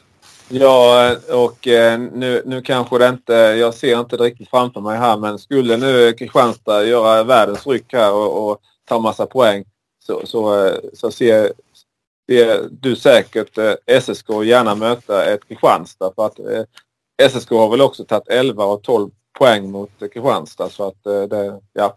Så, eh, men det, samtidigt så, det finns väl exempel i hockeyhistorien när ett lag som, som har haft lätt i grundserien eller när ett lag som har haft svårt mot ett annat lag i grundserien tar ganska rejäl med revansch i slutspelen. Eh, kanske inte i Hockeyallsvenskan, men jag tänker resten för spel. Och vi vet ju inte heller som sagt vad händer efter. Vad händer fram till den 15 februari? Hur, hur ser lagens eh, lagstyrka ut efter där? Men sen är det ju samtidigt som du säger Adam. Hur mycket hinner spelare som kommer in så pass sent? Eh, hur pass mycket hinner de, kan de eh, göra skillnad då efter? Ja. ja. det är inte så mycket. Det är klart om det är en riktigt bra spelare så kan det göra skillnad men det är mest att om man tittar historiskt så riktigt bra spelare finns inte tillgängliga vid den här tiden på säsongen. Ja, det är väldigt synd för Västerås del att det inte blir någonting här med Patrik Berglund. Eh, mm. Det är ju en spelare som hade kunnat gjort enorm skillnad om, om allting hade, om man hade kommit in i, i rätt läge. Nu, nu är det återigen ett tufft läge att komma in i. Hade det varit för hand då, när man är indragen i den här bottenstriden så att säga. Men, men visst, det är ju klart, går man långt, går man långt, går man till semifinal och final så kan ju de där sista värvningarna vara otroligt avgörande såklart. Men samtidigt så kan man ju förstöra en hel del också med, mm. med harmonin i lagen. Det ser man ju även under serielunken. När, när som Modo har laddat på här rätt rejält. Men jag tänker, allt som oftast så, de värvningarna som kommer så här sent det brukar vara chansvärvningar. Eh, förra året var det en hel drös från KL till exempel. Eh, och de gjorde ju inget annat än att kosta er två poäng. Eh, ja, de kostar väl fem poäng till och med va? Ja, tre poäng, fem i, i målskillnad var det väl? Ja, jag, sagt. jag har för mig det blev poängavdrag på fem poäng faktiskt. Uh, ja, ja för, vi förlorade ja, den på ja. straffar egentligen och sen har jag för mig att vi tilldelades 5-0 seger. Ja, ja, skitsamma. Ja. Men uh, min, min poäng var egentligen att de flesta av de där KL-värvningarna misslyckades. Det var ju Jereslejevs i Modo också och Vita Hästen tog in någon lätt från en KL-klubb. Men om, om vi återgår till uh, frågan så ja, det är klart att man hellre möter ett lag man har haft bra inbördesmöten mot i, i, i grundserien men eh, jag vågar inte säga att det betyder allt för mycket. Jag tror inte, jag tror inte liksom att Karlskoga sveper Löven i en semifinal med 4-0. Det var, det var en bra slutkläm eh, Adam på frågan. Eh, jag håller med. Det, det kan ha viss betydelse men, men eh, det, sen är det så pass många matcher också så att eh, det, det och de kommer efter varandra. Så att det, det, och det, det är så mycket som spelar in så att eh, jag tror inte man ska väga in för mycket i det. Och det, varje match är unik när, när pucken släpps. Så att det, det, ja. Har ni någonting sista ni vill tillägga? Nej, egentligen inte mer än att det är en fantastiskt spännande tid som väntar här nu. Och sen, sen det är klart att man inte vill följa någonting dygnet runt dagligen så vill man ju inte att man ska vara indragen i. Det är hemskt att vara indragen runt de här runt det här så kallade playout-strecket där ju. Men eh, annars för, förutom det så är det en spännande och rolig tid som kommer nu. Roligaste på hela hockeysäsongen givetvis i, i normala fall. Ja, jag skulle säga det att jag, jag eh, bara Kristianstad klarar sig från playout så, så är jag nöjd. Eh, alltså det, det, det, bara att slippa det. Sen, sen får man ta eh, som en, en, bonus om det skulle bli play-in också då. Men, alltså det bara att som sagt nu, nu den här matchen mot Tingsryd då att om man kan ta tre poäng där då, då känns det som att det är ett stort steg mot att slippa ett playout-spel. Och för, som Kristianstad-anhängare vill man absolut inte vara med om, om eh, det som var eh, våren eh, ja, vad blir det nu? Jag har tappat våren 21 mot eh, Väsby. Alltså, nu är det till och med sju matcher då, men alltså de, de fem matcherna där, det, det, var nog bland det värsta jag har upplevt som, som idrottssupporter. För att det, det, var ett pendlande mellan himmel och jord. Alltså det, det, det var vedervärdigt, rent ut sagt. Så att det, det vill jag inte uppleva igen. jag relaterar. Ja, och samma här. Jag håller med dig fullständigt Thomas. Jag hade aldrig, alltså jag hade aldrig trott mig själv att jag skulle säga i början av februari att jag, att, att jag är nöjd om vi undviker negativt kval. Det är helt orimlig tanke. Man backar bandet x antal månader, men, men så är det just nu. Det enda viktiga just nu det är allsvensk status nästa säsong så får man börja om igen. Ja, ja, men eh, då sätter vi nog punkt för det här avsnittet och tackar alla som orkat lyssna på oss i nästan tre timmar. Eh, så får vi önska er en fortsatt trevlig dag och så hörs vi förhoppningsvis snart igen. Hej då! Hej då, ha det bra! Ha det bra grabbar!